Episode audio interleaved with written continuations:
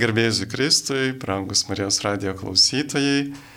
Šiandien klaus drąsiai laidą mes transliuojame iš Vilniaus ir turime garbės, kad mus, mūsų studijoje šiandien jūsų klausimus atsakinės kuningas teologijos mokslų daktaras Mindugas Ragaišis, kuris dėsto sakramentų teologiją Švento Juozapo kunigų seminarijoje. Garbėjus Kristui. Per amžius.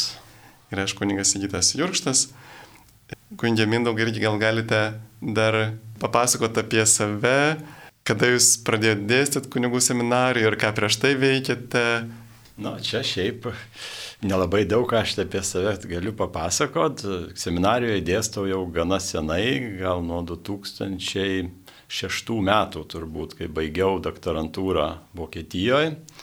Grįžau, na tai ir buvau paskirtas dėstyti ir pradėjau būtent nuo sakramentų teologijos. Tai ir tą darau iki šiol. Na, beje, dar dėstau šalia sakramentų teologijos, čia paskutinius kelis metus dar buvo priskirtas man dalykas pastoracinė teologija bei homiletika. Tai, tai kaip sako, daugiau toj mokslinėje veikloje, bet taip pat padedu čia šventos Teresės parapijoje Vilniuje kažkiek tai pastoracijoje, sielovadoje. Tai tokie mano pagrindiniai darbai. Dar kažkiek tenka susidurti ir su bažnytiniu teismu, ten tenka kažkiek konsultuoti tuos ateinančius, e, norinčius priduoti prašymus. Tai to veiklos rytis yra gana įvairi. Tai Bet čia laida ne apie, kaip sako, ne apie mane, bet apie vat, būtent klausimus jūsų norit užduoti, tai gal geriau palikime tam laiką. Taip, ar mes turime samą žinučių? Taip, yra jau kelios žinutės. Antanas iš Vilniaus klausia. Prašom, paaiškinkite plačiaja prasme, kas yra sakramentas. Ar tai tam tikra prasme medžiagos jungimasis su dvasia?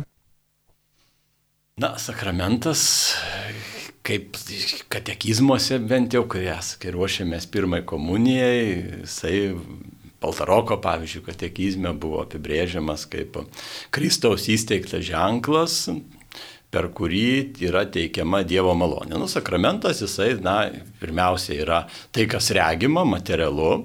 Na, čia taip, kaip jūs sako, tas materialus aspektas ir mums kasdienybėje pažįstamas, žinomas dalykas e, ir, ir, ir sutinkamas dalykas, kaip pavyzdžiui, ten va, tas vandens užpilimas, ar ten patepimas aliejumi, ar ten kokie kiti ženklai, jie mums yra sutinkami, bet tie ženklai, na, jie, jie iš tiesų iš savęs, aišku, jeigu vien tik tai tas ženklas, nieko jis mums nesuteiktų, bet kadangi yra Kristaus įsteigtas, taigi Kristus tavat sujungia tą ženklą su išganinga malonė. Ir per tai yra ta išganinga malonė mums perteikiama.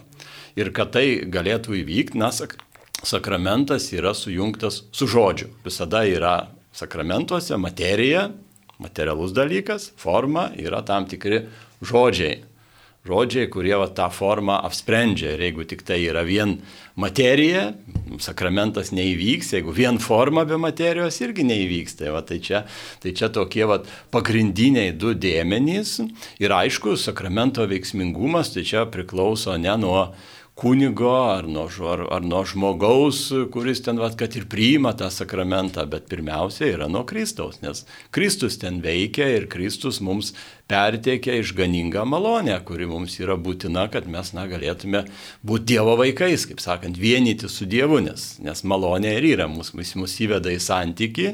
Ir tada, būtent kai mes einame į tą santyki, Dievas gali perkeisti mūsų gyvenimą. Taigi ir dėl to vat, sakramentai mums yra išganimui būtini, išganimui svarbus. Bet čia svarbiausia vat, prisiminti, kad yra Kristaus veikimas ir, ir, ir kada mes tuos sakramentus priimam, na, ne jam malonę suteikiam, bet jis mums malonę suteikia, nes dažnai būna, kad mes galvojam, sakom, nu čia dabar naisiu į bažnyčią, Dievą pamaloninsiu.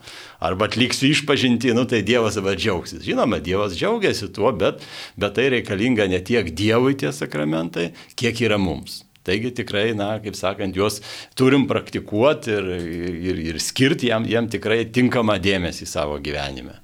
Taip, ačiū, dar turime esame žinučių.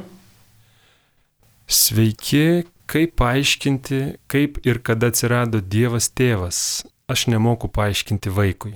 O, na, na, čia gal klausimas toks, na, ne visai taip, taip keistai šiek tiek suformuluotas. Mes žinom vieną dalyką, kad uh, Dievas yra amžinas.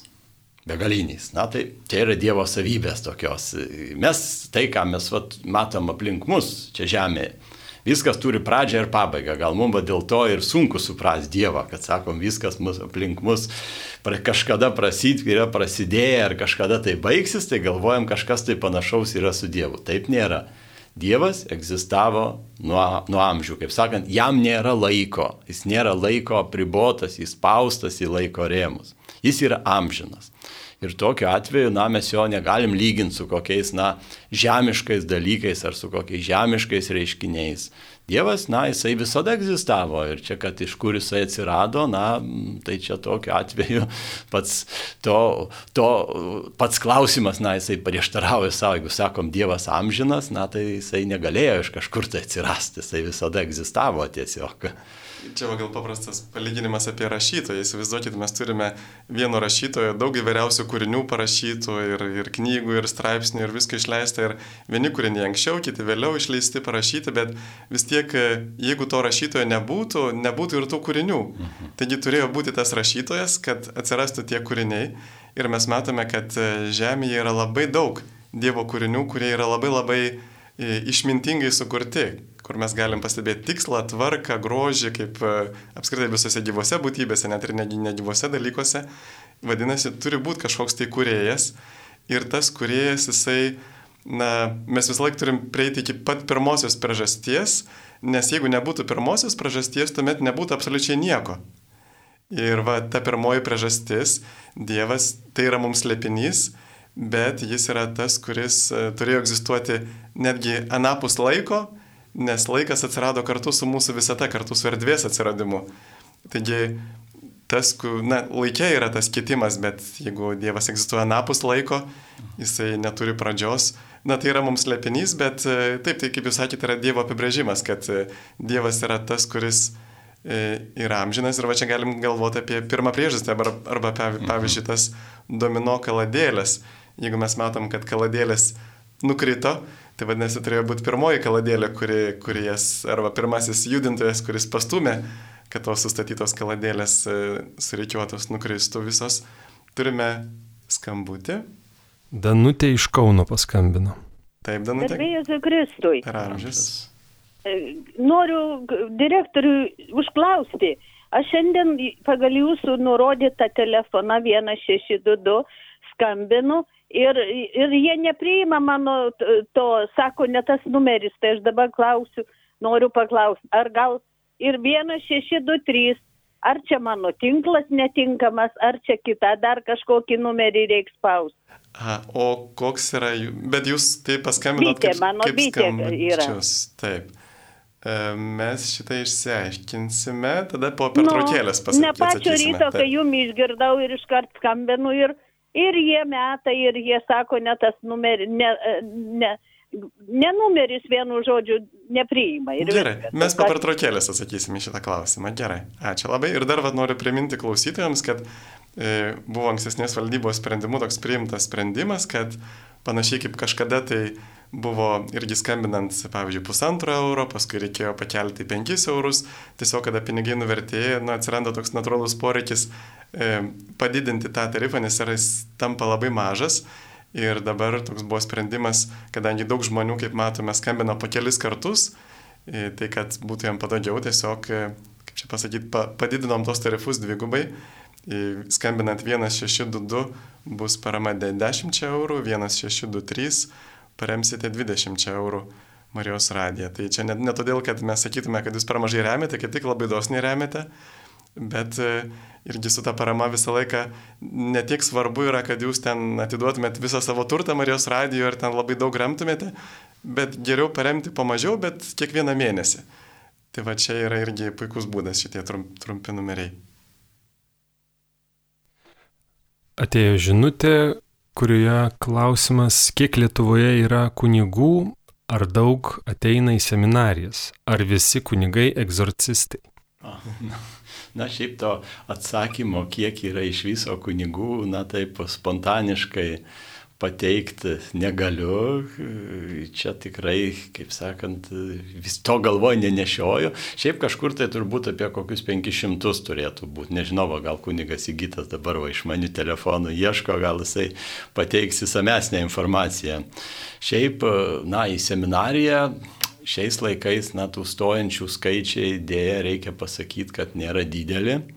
Kai aš, pavyzdžiui, stojau 91 metais, aš į Kauno seminariją jau stojau, tai, tai mūsų buvo, na, tuo metu 200, na, faktiškai iš visos Lietuvos ir, na, jau telšių viskupija tai buvo atidariusi savo kunigų seminariją. Tai, tai tikrai skaičius buvo didelis ir mūsų vien, vien kursė buvo 50.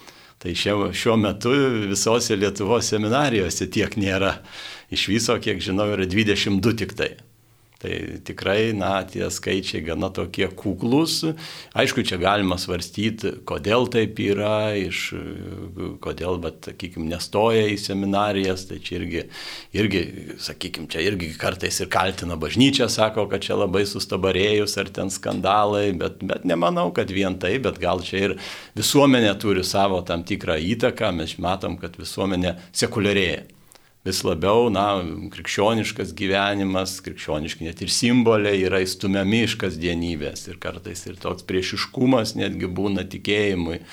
Ten ypač kai kurios žiniasklaidos priemonės, senatas kažkiek ir formuoja jaunus žmonės, tada galvoja, sako, jeigu tokia bažnyčios padėtis, na gal ar verta man su jie siet savo gyvenimą, siet savo ateitį. Ir, Ir čia vat, vėlgi tas stojimas į seminariją, jis tuo pačiu yra ir na, susijęs su pašaukimu ir, ir, ir, ir kiekvienas, na, tas, kuris stoja, nes tai pa, turi pajaus, kad Dievas jį kviečia. Čia nėra amatas, nėra profesija paprasta, kur va, tiesiog pradėjai, pastudijavai, na ir tada, va, sakykime, pradedi dirbti. Iš tiesų tai yra, tai yra pašaukimas ir gyvenimo būdas ir čia tikrai reikia tada įsipareigoti visam gyvenimo. Šio laikinis jaunimas, na, įsipareigoti gal nėra labai linkęs. Mes matom, kaip ir su santokom būna, kad gyvena ištisus metus ar kartais dešimtmečius ir neskuba tuoktis. Nesako, nu, čia jau tada įsipareigosim. Sako, mes nenorim įsipareigoti. Tai, tai čia tų priežasčių gali būti daug. Na, o dėl egzorcistų, tai čia iš tiesų, na, sakykime, dažnai tuos egzorcizmus labai susiaurinam vieni į tos tokius specifinius atvejus, į tą, tą, tą specifinį siaurą egzorcizmą. Paprastai tą, vat, tą oficialų bažnyčios egzorcizmą gali kalbėti, na, tie kunigai, kurie yra paskirti vyskupo. Paprastai vyskupas savo vyskupijai paskiria tam tikrus egzorcistus, kurie tuo vat užsijima. Kitigi kunigai, na, iš tiesų, melstis už žmogų gali ir, ir kartais, pavyzdžiui, mes kalbam apie sakramentus. Iš tiesų, patys veiksmingiausi egzorcizmai, aš manau, yra sakramentai. Nes pats egzorcizmas yra sakramentalija. Sakramentalija, kuri veikia, na, sakykime, daugiau bažnyčios maldos gale.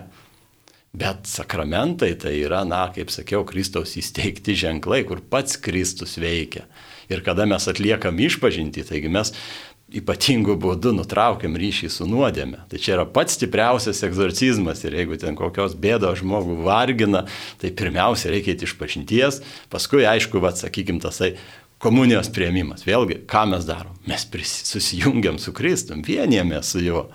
Tai ir čia yra pats galingiausias egzorcizmas. Tai čia visada reikia pradėti nuo to, bet aišku, yra atvejai, kada ten reikalingas tas oficialus egzorcizmas kalbėti, na tai tada reikia pasidomėti, koks kunigas toje viskupijoje yra paskirtas ir kreiptis pas jį. Tai čia tokia paprasta yra tvarka. Taip, aš jau spėjau šiek tiek paguglinti ir pažiūrėti, kiek yra kunigų. Tai yra 2018 metais buvo 862 kunigai ir 45 seminaristai tai vis tiek kažkas turėtų būti apie 900 turbūt dabar. Mm, no, tai. Ir va dėl to pašaukimo jūs paminėjote apie tą laisvę.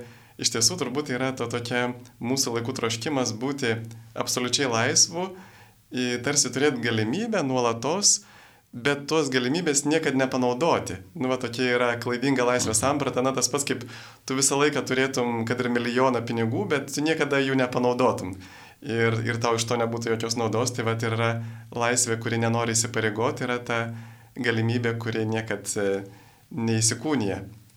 Tai turime skambutį. Aldona iš Kauno. Taip, Aldona, garbėsiu Kristui. Gerbėjai Kristui. Norėčiau sužinoti, kuris tikėjimo išpažinimas tikras ir kuris ne, kaip čia pasakius. Vienas kalbama, kad e, Dievas prisikėlė iš numirusių, įžengė į dangų, o senesniajam kalbama, kad į pragarus nužengė tada į dangų. Tai kaip supras, ginčinami su draugė, sako, klausyk, Dievas be nuodėmių, kuo jis žengia į tuos pragarus, viename yra parašyta, o kitame nėra. Tai ar čia klaida kokia, nežinau, va šituo norėjau sužinoti. A, čia, neturim ir, ir porą klausimų, ir keletą, kuris yra senesnis, ir, ir ką reiškia nužengimas į pragarus. Jo, jo, iš tiesų tų tikėjimo išpažinimų yra įvairių ir kada vat, bažnyčios, iš tiesų vat, bažnyčios mokymasis jisai istorijos eigoje vystėsi. Nes vat, tos ištakos jo, aišku, yra prieiškimas, tai yra mm, tai, kas užfiksuota šventajame rašte, taip pat ta žodinė tradicija, kuri perduodama nuo pat pradžių, ypač ta paštalinė bažnyčios tėvų tradicija. Ir, na, šiaip, tačiau kai, kurie, kai kurios dalykus laiko bėgi reikėjo patikslinti. Ir čia vat, būtų ypatingai, kada iškildavo įvairūs klausimai, pavyzdžiui, dėl vat, pačio, kaip vas supras tai, kad Dievas yra vienas, bet dabar yra ir dar jo sūnus. Paskui kaip yra ten Dievas ir dar šventoji dvasia. Ir tikrai reikėjo ieškoti atsakymų. Ir bažnyčios susirinkimuose buvo tie atsakymai ieškomi ir tada bažnyčios susirinkimai, na, pateikdavo savo tam tikrus tikėjimo išpažinimus. Mums dažniausiai daugiausiai pažįstamas yra apaštalinis tikėjimo išpažinimas. Na, jis yra kažkur tai iš, sakykime, gal ketvirtas amžius yra. Iš ketvirtas amžius ir yra susiformavęs daugiau liturgijoje, krikšto liturgijos metu. Kitas mums daugiau pažįstamas išpažinimas yra Nikijos Konstantinopolio.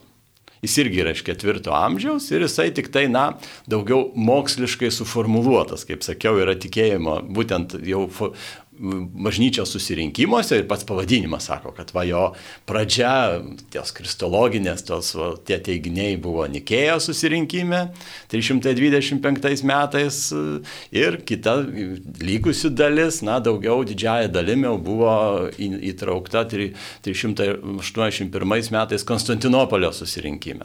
Ir na, ir mes jaučiam tą skirtumą, kuris ten liturgijoje daugiau formavosi, jis toksai yra daugiau daugiau taip tas pats kalbėjimas, tokias kalba yra daugiau paprastesnė, aiškesnė, o tas oficialus jisai, na, išreiškia tiksliau ir bažnyčios liturgijoje šiandien, vat, ypač Lietuvoje buvo priimta per tikėjimo metus, kai buvo švenčiami, kad vat, būtent daugiau naudota Nikijos Konstantinopolio susirinkimą. Nors jie abu yra lygiaverčiai. Čia negalimas kitas geresnis, anas blogesnis. Vienas galbūt buvo pabrėžę vieną aspektą, kitas, kit, kita, kit, kitas kitus aspektus, bet jie abu yra vienodai, vienodai svarbus, vienodai reikšmingi ir galima juos naudoti abu. Tarp kitko, mišiuose nėra uždrausta naudotas yra paštalinis tikėjimo išpažinimas. Jisai, na, tik tai, kad viskupų tokių paraginimų buvo, buvo na, daugiau paskatinta naudota Nikėjaus Konstantinopolio. Iki tol daugiau buvo naudojamas apaštalinis tikėjimo išpažinimas. Tai nereiškia, kad jis buvo atšauktas tuo viskupų paraginimu. Jis toliau egzistuoja ir, pavyzdžiui, kai kalbam rožinį, tai aš manau, retas, kuris kalba Nikėjos Konstantinopolio, nes jisai labai toks, nu, sudėtingos konstrukcijos, grėmėsdiški įsireiškimai, nu, jis neskamba tiesiog. Tai dėl to šiaip Šiaip tie abu tikėjimo išpažinimai, jie, jie maždaug vienodo amžiaus ir abu galima juos naudoti. Dėl to dabar nužengimo į pragarus, na, tai čia vat, mes, vėlgi čia vienas tikėjimo išpažinimas, sakykime, daugiau vat, gal buvo tas aktualu, vat, kalbant apie krikštą, susijusius dalykus, na, tai tas buvo labiau pabrėžta, kitam išpažinime tas buvo kažkiek tai kitaip suformuluota. Bet, na, esmė yra ta, kad, na, Kristus tikrai neturėjo nuodėmių. Bet jisai, kas tie yra pragarai, mes jų nepainiokim su pragaru. Nes yra, sakoma, vienaskaita, pragaras, tai mes žinom, na, tai čia jau yra vieta, kur, kaip sako, pasmerktieji kur yra velnės ir pasmerktieji. Ten va, yra, kaip sakant, nevilties vieta. Pragaraigi čia yra pagal bažnyčios mokymą, ir beje, tarp gana seną bažnyčios mokymą, kad yra vieta, kur iki Kristaus ateimo buvo teisių sielos.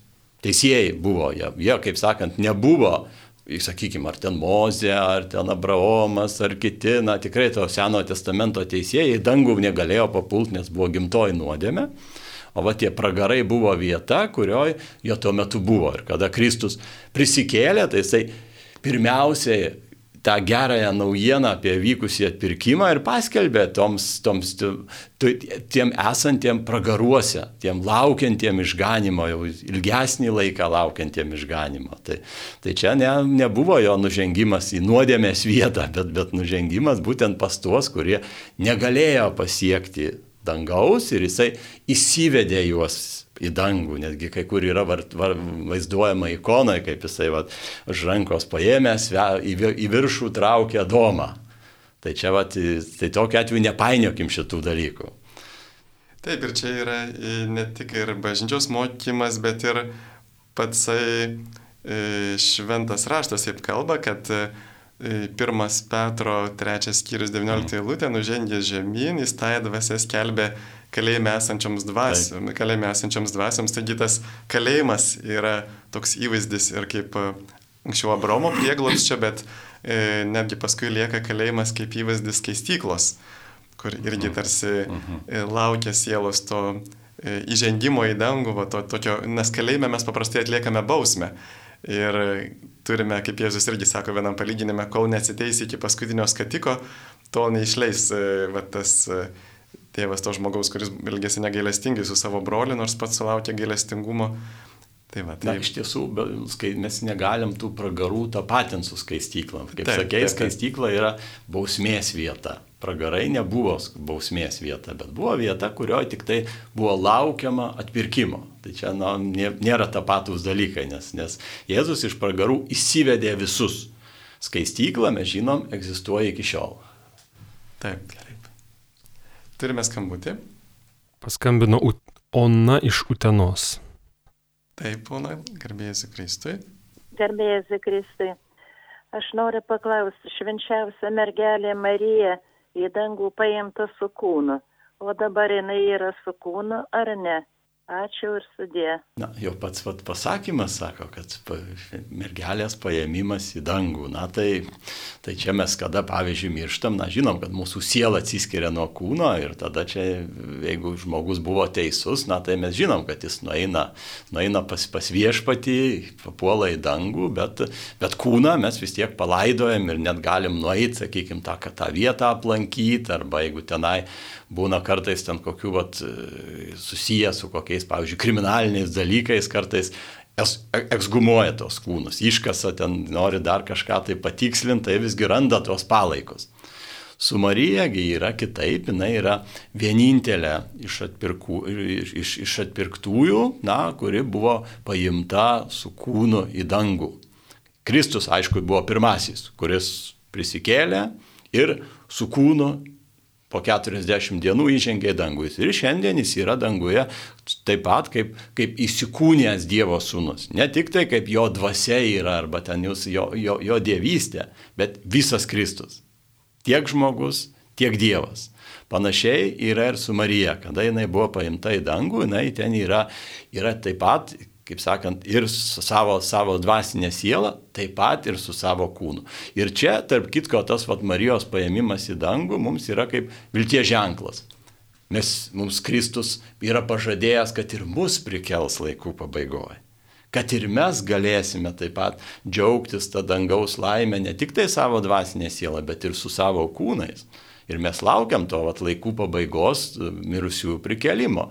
Marija tik tai buvo pirmoji Pirmoji, kuriai buvo suteikta ta dovana dėl jos išskirtinio vaidmens išganimo istorijoje, išganimo vyksmė, jinai buvo išganytojo motina, kuri savo taip leido ateiti išganytojai, kaip sakant, iš žmonių pusės davė sutikimą, kad galėtų įsikūnyti Dievo sūnus ir įvykti atpirkimas. Ir dėl to jinai yra labiausiai išaukštinta iš visų žmonių. Nors ta garbė, dar kartą kartoju, jinai yra paruošta kiekvienam iš mūsų. Mes irgi kažkada tai laik, kelsime su kūnais ir, ir, ir, ir, ir stosime Dievo akivaizdą.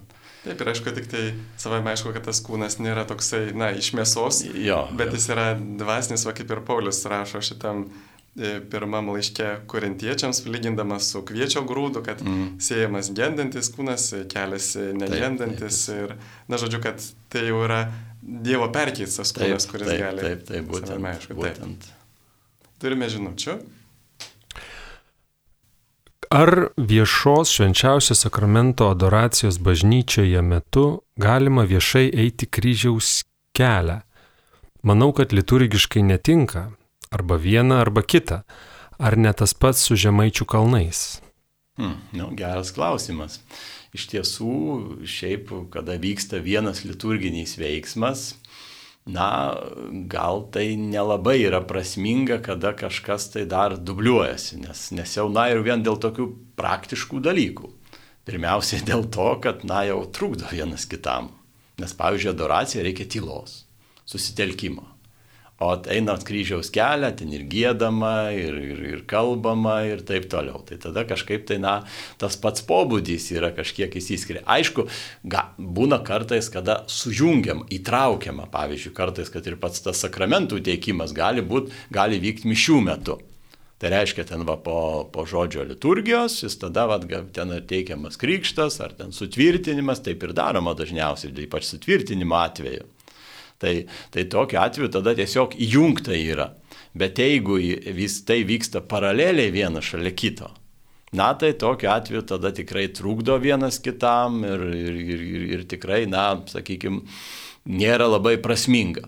Nors antra vertus, jeigu sakau, pavyzdžiui, įstačių švenčiausią sakramentą yra, sakykime, kaip tos vietoje meditacijų gėdami žemaičių kalnai. Tai yra jau kitas dalykas. Tai tokiu atveju tada, vat, na, gėdant irgi yra apmastoma. Apmastoma Kristaus kančia. Kristus švenčiausiam sakramente yra tas pats, kuris kentėjo ant kryžiaus, mirė už mus. Tai tokiu atveju mes jį, kaip sako, apmastom, ga, galim apmastyti gėdodami tos žemaičių kalnus. Jeigu tai yra ado, įjungta į adoraciją, kaip adoracijos dalis. Kryžiaus kelias, na, čia gal tas toks įjungimas į adoraciją, sakyčiau, na, bent jau mano nuomonė, nebūtų labai prasmingas nes vis tiek adoracijos metu mes žiūrim į švenčiausią sakramentą. O čia tokiu atveju kažkaip tai nukreipiamas dėmesys nuo to vat, tikro ir realaus Kristaus, kuris yra švenčiausiam sakramente, prie ten, sakykime, paveikslėlių, kurie vaizduoja jo kančios atskirus epizodus. Tai, tai čia šiuo atveju gal aš būčiau ta pasme atsargus tokiu atveju, ar ten prasminga būtų tą daryti adoracijos metu. Bet jokių būdų to nereikėtų daryti paraleliai vienas kitam. Taip, iš tikrųjų turbūt yra dažnai problema, kad mes išstatome švenčiausiai sakramentą ir jį pamirštame. Na, viena vertus galime įsivaizduoti, va, kaip vaikai žaidžia tėvų akivaizdoje, jie tiesiog žino, kad čia yra tėvai ir jie eina žaisti ir jiems gera žinoti, kad jie yra čia šalia, bet kita vertus daug turbūt daugiau naudos gautume iš tos adoracijos maldos, kada visą savo dėmesį skirtume Jėzui švenčiausiame sakramente. Turime dar žinučių? E, žinutėje toks klausimas. Mamos gimtadienis balandžio antrą dieną dažnai jį ramiai paminim, nes gavėnė. Mama atsisako švesti 70 metų jubiliejų dėl tos pačios priežasties. Ką sako bažnyčia dėl švenčių tuo metu?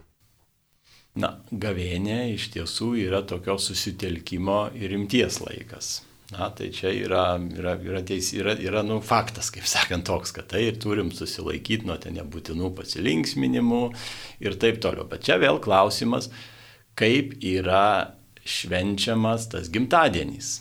Jeigu tai yra tiesiog, sakykime, susirenkama giminė, pavyzdžiui, artimieji, susirenka pabūt kartu pabūt kartu, pasimelst, eina, eina dažnai, sakykime, prieš tai, kad tai koks jubiliejus, ten mišes, pavyzdžiui, ten už, už tą žmogų užsako ir nueina į bažnyčią ir paskui ten prisėdė, atsisėdė prie stalo, na tiesiog pasivaišina. Nieko tame šventime nėra labai blogo. Bet jeigu būtų šventimas toks, kad ten labai viskas vyksta triukšmingai, ten su muzikantais, šokiais, ten išgerimai stiprus, na tai tada gal gavėnios metu tas, na, nelabai būtų, būtų gerai, gal ir kitų metų nelabai toks šventimas būtų tinkamas, galima surasti tokių, na, šiek tiek formų, kurios, na, daugiau skatina bendrystę, bendravimą, nei kad nusigerimą arba tenai kažką tai panašaus. Tai, tai šiuo atveju vėlgi kaip, kaip tą, tą suorganizuotų. Ir tada, sakykime, jeigu tas tinkamai suorganizuota, tai bažnyčia nieko prieš neturi, jeigu tas toksai pasilinksminimas galbūt nėra toks nu, blaškantis pasilinksminimas, atitraukiantis nuo gavėnės rimties. Tai, tai, tai šiuo atveju tas šventimas, na, manau, būtų įmanomas. Bet jeigu jūsų mama ten būtų labai užsispyrus ir sakytų, ne, jokių būdų aš nenoriu taip švest, nu tai galit nukelt vėliaugi po jau antro, antro, aišku, priklauso čia nuo metų, kartais, vad, sakykime, jau balandžio ten antrą būna jau, jau didžioji savaitė, arba ten jau neužilgogi Velykų laikas, pačios Velykos, tai galima tą gimtadienį ir nukelt. Aišku, pavyzdžiui, ten koksai vat, pasilinksminimas didįjį penktadienį, na, ar didįjį ketvirtadienį, tas, arba didžiąją savaitę bendrai, na, tai gal būtų prasmingiau tiesiog nukelt. Bet jeigu šiaip gavėnios metu, tai, na, taip, kaip sakant, neperžengiant ribų, taip saikingai, jeigu ten susirinkt, pabūt kartu, na, kažko tai labai čia blogo tame nebūtų. Taip, ir čia galim net prisiminti tokią analogiją, kad yra liturginių švenčių tam tikra hierarchija. Pavyzdžiui, kad ir kai sekmadienį išpuola koks nors šventojo minėjimas, tai tada jau svarbesnis yra sekmadienis negu to šventojo minėjimas. Ir čia tikrai, va taip mastant, praktiniu protu turbūt vis tiek svarbiau yra gimtadienis, dar netgi 70-metis negu gavėnios, va, visas tas laikotarpis. Ten tikrai, kaip Jėzus sako, kad vargšų visuomet turėsite, o, o mane ne visuomet turėsite. Tai irgi galbūt nereikėtų taip jau labai jau žiūrėti raidiškai kaip kokį nors, va tokį jau bažnyčios įsakymą, kad čia jau per gavėnį nieko negali daryti, bet tai yra kaip tik pagalba mums, rekomendacija susikaupti, kad geriau atšvestume Velykas. Trumpas klausimas, kas išrenka popiežių? O, tai, nu jau čia šiais laikais jau žiniasklaidoje pakankamai daug apie tai yra kalbama, net pasaulietinė žiniasklaida, jau nekalbant apie bažnytinę, tai, tai paprastai popiežių renka kardinolai. Kardinolų kolegija ir beje ne visi tie, kurie tik tai iki 80 metų, man atrodo, jeigu, jeigu, jeigu neklystu. Virš 80 metų jau tada rinkti popiežiaus negali vyresni negu 80 metų ir paprastai, na, renka iš savo tarpo, bet gali, aišku, surišrinkti ir iš, sakykime, iš šalies ką nors, bet dažniausiai tai renkama iš savo tarpo. Tai, Tai tokiu atveju klausimas, atsakymas būtų labai toks, toks paprastas. Ir ta jau tradicija yra gana sena, tai, tai taip jau užsidaro, jie ten siksto koplyčio, meldžiasi ir neišeina iš ten tol, kol e, neišrenka popiežiaus ir kai išrenka ten tada vat, būna paprastai ten toksai kaip kaminas per tą kaminą atitinkamai ten tokius dūmus paleidžia, ar tamsius, ar jeigu šviesaus dūmai, tai jau būna tada popiežius išrinktas ir tada jis yra oficialiai paskelbiama kas jis yra, ten tada visų kardinolų kolegijos dekanas paprastai išeina, paskelbia, kas tas popiežius ir jį pristato. Tai, Taip, ir, ir tas skaičius tų kardinolų, kurie gali rinkti popiežių ir iš, iš, kurių, tai yra, iš kurių gali būti renkamas popiežius, tai yra virš šimto. Taip, taip, taip, taip. Jei kiekvienų mišių liturgijoje melžiamasi už visus mirusius, Kodėl raginama užprašyti mišes už konkrečius mirusius artimuosius? Jei vaikštai kiekvieną sekmadienį ar dar dažniau į mišes, tai savaime meldiesi ir už savo, ir už kitų artimuosius. Na, taip iš tikrųjų yra, yra melžiamasi už visus ir kada vat, mes dalyvaujame mišiuose, galim turėti ir savo tokią asmeninę intenciją, kurią mes vat, ir melžiamės, ir švenčiausią sakramentą priimam. Tai čia tas yra, tas yra galima, bet, bet na, kartais tas toksai paminėjimas, toks atskiras paminėjimas, gal jisai daugiau reikalingas kartu, na, mums patiems galbūt labiau, labiau susitelkti tą maldą labiau įsitraukti į tą maldą. Kai mes melžiamės už visus, na tai taip, kai būna, kaip sako, kai už visus tai viskas paskesta, taip sako, nėra konkretumo, nėra, nėra aiškumo. Kada vat, melžiamasi už savo artimos, tada pavyzdžiui, giminė sukviečia ten kartu meldžiasi daugiau žmonių ir, ir tokiu atveju, na vėlgi ta, ta maldas, Jėzaus aišku, tų mišių, tie, tie nuopelnai, tie lobiai yra neįsiemiami, begaliniai ir, ir, kaip sakiau, meldžiamasi už visus, bet šiuo atveju, na tas toksai konkretesnis meldymas, jis, jisai mums patiems pirmiausiai padeda, padeda susitelkti, susikoncentruoti, bet tuo pačiu, na mes irgi galbūt, sakykime, kartu ir ypatingų būdų ir Dievą paprašom, Kristų paprašom, kad jisai, na, irgi labiau atsižvelgtų į mūsų artimuosius. Tai čia malda, manau, tikrai nepakenks. Nors melžiamasi tikrai už visus žmonės, už visus melžiamasi ir mirusius, ir gyvuosius, ir, ir galit kiekvieną kartą, kai dalyvaujat mišiuose, be abejo, melskitės už juos, o, o jis, jis tokiom išskirtiniam progom, pavyzdžiui, būna ten 30 dieną metinės, na, tai tada yra, yra prasminga turėti ir tas atskiras mišes, ir bažnyčia netgi rekomenduoja tą daryti, arba kokies vat, būna mirties sukaktys, ten, pavyzdžiui, 10 metų, ar ten, ar ten 3 metai, ar kiek ten, na, tada irgi yra, yra prasminga tokia atveju mišes užprašyti. Taip ir turbūt e, meilės ryšys, tas su artimu žmogumi kaip tik padeda labiau uoliau už jį melstis. Ir štai tas žmogus yra man brangus ir aš galiu daugiau laiko paukoti maldai už, už jį. Taigi vis tiek turbūt yra svarbu maldoje irgi, kaip popiežius Pranciškus sako, kad e, yra gera, kai malda būna pripildyta vardų ir veidų. Tai ir mus pačius tada ta malda labiau suvienyje ir su Dievu, ir, ir su artimu, ir mumise pačiose labiau įžiebė tą tokią artimo meilės e, ugnelę ir kartu, nu tai yra ir, ir, ir Dievo meilės, ir, ir artimo meilės įsakymų įvykdymas kartu, kai mes pameldžiamės už kitus. Taip turime skambutį. Paskambino Gita iš Kauno. Garbėsiu Kristui, Gita. Garbėsiu Kristui. Nu, mano čia toks klausimas bus e, kitokios biški stiliaus. Dievas kūrė angelus ir jisai tai žinojo, kad vienas iš jų bus šeitonas. Jis visažinis, jis kūrė, jis mąstysena jo kūrė. Ir žinojo, kad vienas bus šeitonas. Tai dabar išeitų va taip. Jeigu jis pavirto šeitono, tai Dievas sukūrė ir šeitoną. Nors jūs, aišku, sakysite, Dievas šeitono nekūrė, bet jo mąstysena, tai jisai žinojo tolimesnį jo kelią, ką jisai darys. Tuo labiau, jeigu jau taip atsitiko, galėjo jį iš karto į pragarą nugramzdinti ir uždaryti, gal šiandien planeta būtų kitokia. Bet jį tai nusviedė į žemę, kuris apnuodijo visą planetą, kas dabar vyksta. Ir dar vienas momentas, dabar Adomo ir Jėvai tą pirmą pradę nuodėmę, jau tipų jie kalti. Bet pradžia tai nuodėmė šitonas tai iš dangaus atėjo ir jis jau tada gundė, tai kodėl dabar Jėvai ir Adomui pirmą pradė nuodėmė, jeigu jau ta nuodėmė atsirado dangui. Nu, va čia toks suktas klausimas, bet jis labai įdomus, kodėl, kodėl. Ačiū. Dabar Adomas ir Jėva galėjo ir aš ten būti, ir bet kuris iš mūsų būti, bet jau šeitonas jau buvo nusviestas į žemę ir jis pradėjo gundyti. Taip, ačiū labai. Nu, jo, Dievas tikrai blogio nesukūrė.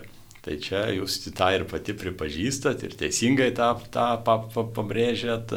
Dievas blogio nenorėjo, nekūrė, bet, na, matot, yra čia tik tai klausimas laisvės. Vėlgi, Dievas nori, kad jį žmogus ar angelas, nesvarbu kas, ar kita kūrinėje, bent jau samoningą protą turinti kūrinėje, garbintų jį laisvai. Jis ne, jam nereikia tokių kaip, na, tokių kaip robotų, kurie kartotų, aš tave myliu, aš, aš tavim sėku ir taip toliau. Dievas palieka laisvę. Jis nori, kad, na, ir ši, tai ir atitinka Dievo esmę iš tiesų, nes Dievas yra meilė. Meilė, na jau žinot, per prievartą negali būti meilės. Ir meilės santykio negali būti per prievartą. Gali, aišku, privers žmogų ten būti kartu, bet meilės nebus. Tas pats yra ir su Dievu. Ir Dievas sukūrė kūrinius, gal jis žinojo, kad tokia galimybė yra. Ir tikrai turbūt žinojo, kad gali nupult, bet Dievas vis tiek surizikavo. Tai va tai rodo Dievo didybę, kad jis ir žinodamas, kas kokios gali būti to pasiekmes, jis vis tiek palieka laisvę. Jis nenori vers žmogaus. Ir iš anksto nenubaudžia, kaip pat buvo, pavyzdžiui, Stalino laikais bausdavo, tik jau, jeigu sako, jis turi tenai, jau, jau masto ten kažkokius tai antivalstybinius dalykus, jau užmastymą galėjo pasodinti vien tik tai kalėjimą. Dievas nėra diktatorius, kuris taip elgtųsi. Dievas davė laisvę ir jos netima tos dovanos. Nes galėjau sakyti, nu dabar jūs piknaudžiavot laisvę, gerai, aš dabar jau paimsiu tą laisvę, jūs žinokite, būsite tokie kaip robotai. Dievas tos dovanos atgal nepaima. Dievas, na tai rodo Dievo didybę, jis nekerštauja. Nes tai, ką vat, jūs kalbate, tai būtų toksai kerštavimas, kad štai, nu, jūs man taip, nu dabar ir aš jums parodysiu. Tai Dievas, Dievas nėra kuris kerštauja, Dievas yra meilė. Meilė ir jisai, ir jisai man, sakykime, visada, visada stengiasi, kad ir tas tam blogiui įvykus, kad žmo, visada palieka galimybę dar ir sugrįžti iš to blogio. Na, su angelais gal šiek tiek yra kitas dalykas, tai jos grinosios dvasios. Ir jos jau negali pakeisti savo valios sprendimo. Dėl to, va, šetonas negali atsiversti. Ne dėl to, kad Dievas čia, sakykime, būtų užkietėjęs ir sakytų, ne, aš jam neleisiu atsiversti. Ne, čia tiesiog jau yra pati prigimtis to angelo, neleidžia to daryti.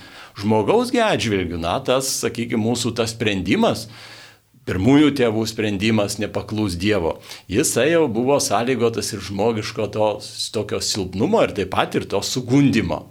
Ir dėl to žmogus, na, jisai Jis neturi tos absoliučios laisvės, jis gali pakeisti savo sprendimą ir dėl to Dievas suteikia galimybę, kad ir mes va nupuolam.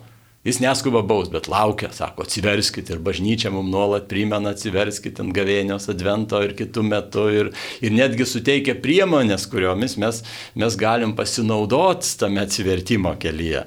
Taigi, ne, gal nekaltinkim Dievo dėl to, dėl, dėl to blogio, na, bet iš tiesų, vat, mes irgi esam gundomi, kiekvienas blogio gundomi ir turim va, tą prisiminti, kad ta, ta, ta laisvės dovana, na, yra dovana, bet kartu ir atsakomybė.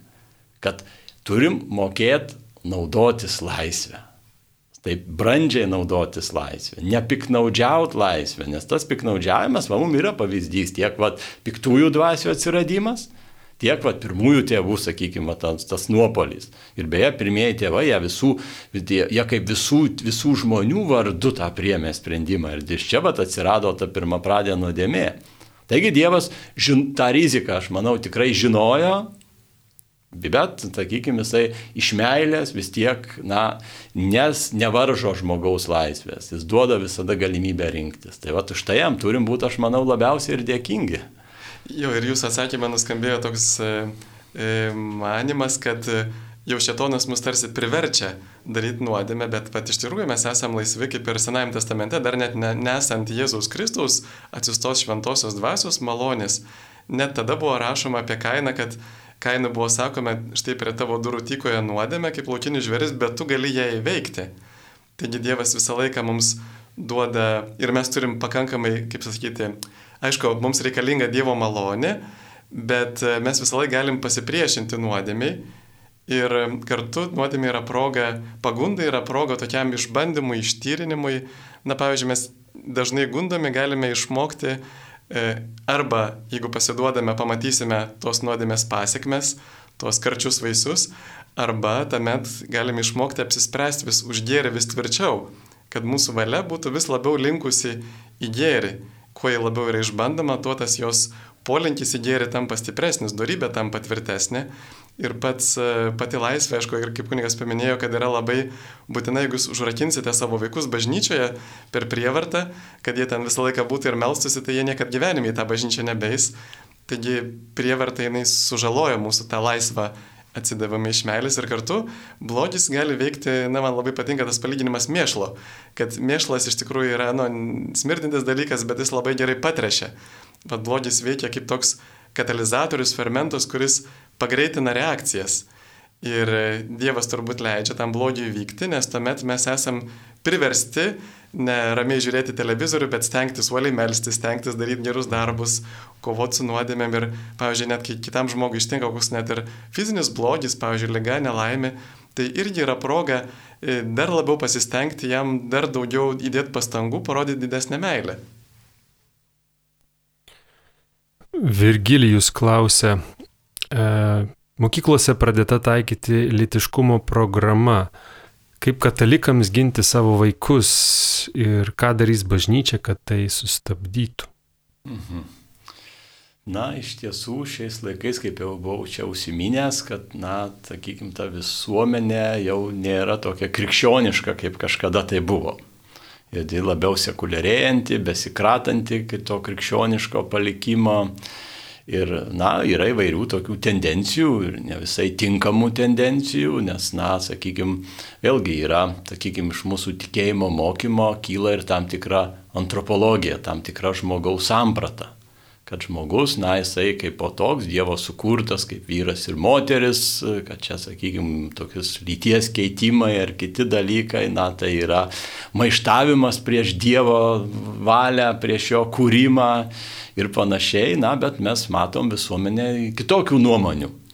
Ir tada, na, būna kartais tokių bandymų tas nuomonės perteikti, pernešti taip pat ir į, ir į mokyklas, na, nesakykim, ta vyresnė karta, pavyzdžiui, mano karta, na, mes jau sovietmečio auginti, jau mąstymas yra šiek tiek kritiškesnis ir, ir į mūsų ten paveikti, o gal yra šiek tiek sunkiau, bet vat, būtent ta jaunoji karta labiau yra yra atviresnė ir dėl to vat, ją yra dažnai taikoma, tiesiog taikoma, kad vat, tuos dalykus kažkaip tai daugiau formuot, ugdyt arba ten, sakykime, tam tikras sampratas perteikti. Ir čia, žinoma, tie, kurie už, yra atsakingi už savo vaikų auklėjimą, pirmo vietoje yra tėvai. Čia tėvų yra pirmiausia atsakomybė ir tada tokiu atveju, žinoma, sakykime, priešintis ten mokyklos lygmenyjau, sakykime, ten įsakyti mokyklos vadovybei, kad, kad ir jūs nes, nepritarė tam, kad, sakykime, savo vaikų jūs ne, nenorit leisti tas, sakykime, tokias pamokas. Kitas lygmuo yra ir toks valstybinis lygmuo, kad irgi tas, tie tos programos irgi yra apspręstos ir politikų. Ir kada vyksta rinkimai, na, vėlgi reikia žiūrėti, už ką yra balsuojama ar kokie yra renkami žmonės, ar kokias jie vertybės atstovauja, ar jie atstovauja krikščioniškas vertybės. Bet kad va kaip tik išrinkom tos, kurie atstovauja krikščioniškas vertybės ir daugiausia antikrikščioniškų įstatymų. Tai būna, nu, bent būna. jau projektų. Būna, taip, matot, kartais čia vėlgi yra, kaip sakant, per rinkimus dažnai būna kalba viena, o po rinkimų būna labai pasikeičia. Tai čia čia irgi reikia tą pripažinti, bet bent jau, kaip sakant, tų politikų, kurie jau taip apsimelavo, arba ten kalbėjo vienai prieš rinkimus ir paskui darė kitaip, na tai jau vėliau rinkti nereikėtų už juos balsuoti paprasčiausiai. Tai čia irgi ir mes turim iš klaidų, kaip tas posakys sako, mokytis. Jeigu buvo padaryta klaida, jeigu tie netinkami žmonės atėjo į valdžią, na tai reikia tada žiūrėti, kad na jau kitai kadencijai jie nebūtų perinkti. Tai, tai čia, bet, bet ir čia tokiu atveju, vėlgi čia bažnyčia, aišku, politiniam gyvenime nedalyvauja jinai, na, tiesiog į politiką, jinai tik tai gali tas va tokius kaip kriterijus, vertybinis dalykus pabrėžti, bet nurodyti, koks konkretus politikas ar konkreti partija už ką balsuoti, bažnyčia to nedaro. Bet, na, va, sakykime, pasauliečiai, kurie priklauso bažnyčiai, irgi yra bažnyčios nariai. Ir jie va būtent šitos dalykus labiausiai ir gali, ga, gali vykdyti tą veiklą labiausiai, čia jų yra, jų yra sritis, jų veikla ir galbūt vat, ir stengtis ir į politiką eiti, galbūt vat, tokiem žmonėm, kad, kad jie galėtų vėlgi, kad tuos įstatymus tinkamesnius priimti. Tai čia sakau, čia vėlgi priešintis, čia, kaip sakant, nėra toksai paprastas dalykas. Bet, na, vis tiek, jeigu bent jau pareikš tokį protestą, savo nuomonę, nes dažnai būna, sako, o niekas sako, nesako, nesipriešina, viskas vadinasi gerai, tyla reiškia sutikimas. Tai svarbu, kad nebūtų tylos, ar ten per žiniasklaidą, ar kur kitur, kelt triukšmą, kad mes su tuo nesutinkam, mes tam nepritarėm. Ir tada, jeigu matys, kad tas triukšmas didelis, na tai politikai tada irgi jie būna irgi nedrasus, nesako, ar ties rinkimai, ką mes toliau darysim. Taip, ir čia turbūt reikėtų dar įsigilinti, jeigu mes kalbame apie gyvenimo įgūdžių ugdymo programą, ten yra visko labai daug. Ir kaip, nu, ne, na, pavyzdžiui, ten brandalinės katastrofos apsisaugoti ir kaip ten e, pirmąją sveikatos pagalbą suteikti. Tai yra daug, daug labai gerų dalykų. E, aišku, tik tai gal kelia klausimą, kodėl jinai yra parengta ten 2000 metų seminaro medžiaga, kodėl tokia sena medžiaga buvo kaip pagrindas tos programos. Bet visgi yra daug gerų dalykų. Vienintelis dalykas, kas mums krikščionėms kelia susirūpinimą, būtent yra ta dalis, kuri ten yra gal 10-15 procentų tos programos, yra būtent e, lytinis švietimas.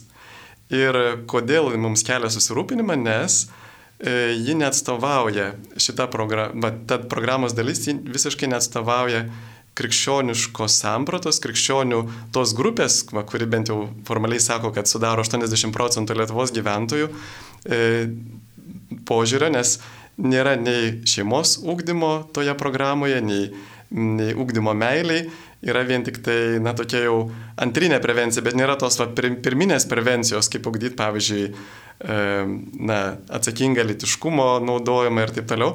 Tai žodžiu, kad e, šita programa, ji taip pat yra e, Prieš tai buvo daug gerų litiškumo augdymo programų, kur dalyvavo visos suinteresuotos pusės.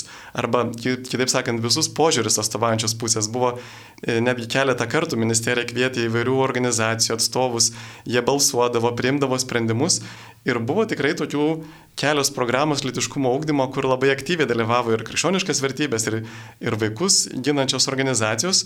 Ir buvo, pavyzdžiui, visai gera programa parengta sveikatos ugdymo programa 2022 metais 11-12 klasėm.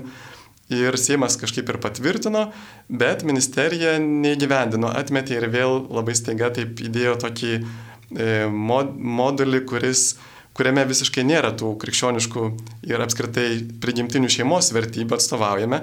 Taigi čia turbūt tikrai reikėtų kažkaip eiti diskusiją. E, mes negalim nedalyvauti pamokose, vaikai negali nedalyvauti pamokose, bet galbūt galėtų kažkaip tai susitarti su mokytojais, kad jeigu bus tam tikros temos, kurios prieštrauja tėvų ir, ir taip pat ir jų vaikų įsitikinimams, kad galbūt mokiniai galėtų alternatyviai kažkokius ar ten tokius referatus paruošti ar panašiai. Taigi irgi reikėtų būti, na taip, lankstiems irgi.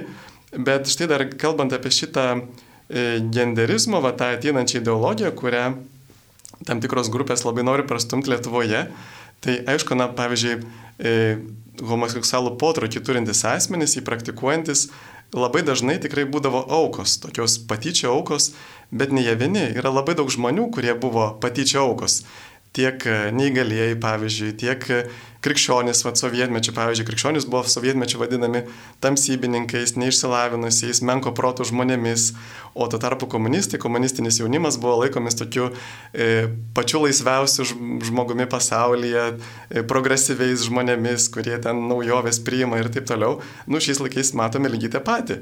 Ir Leninas jisai pirmasis įvedė e, va tuos dalykus, kur dabar siūlo tam tikros politinės grupės, tiek buvo e, įteisinti abortai, tiek homoseksualumas nebelaikomas e, kažkokiu nusikaltimu, tiek santuoka buvo panaikinta, tiek įvairių kitų santuokos, tai yra sugyvenimo formų įdėkta. Tai buvo, na, toks, vos tik Leninas atėjo į valdžią, tai buvo vienas iš svarbiausių jo pokyčių Ir kartu labai greitai Sovietų sąjunga pamatė, kad tai neveikia. Atsirado labai daug beglobių vaikų, tiesiog minios beglobių vaikų.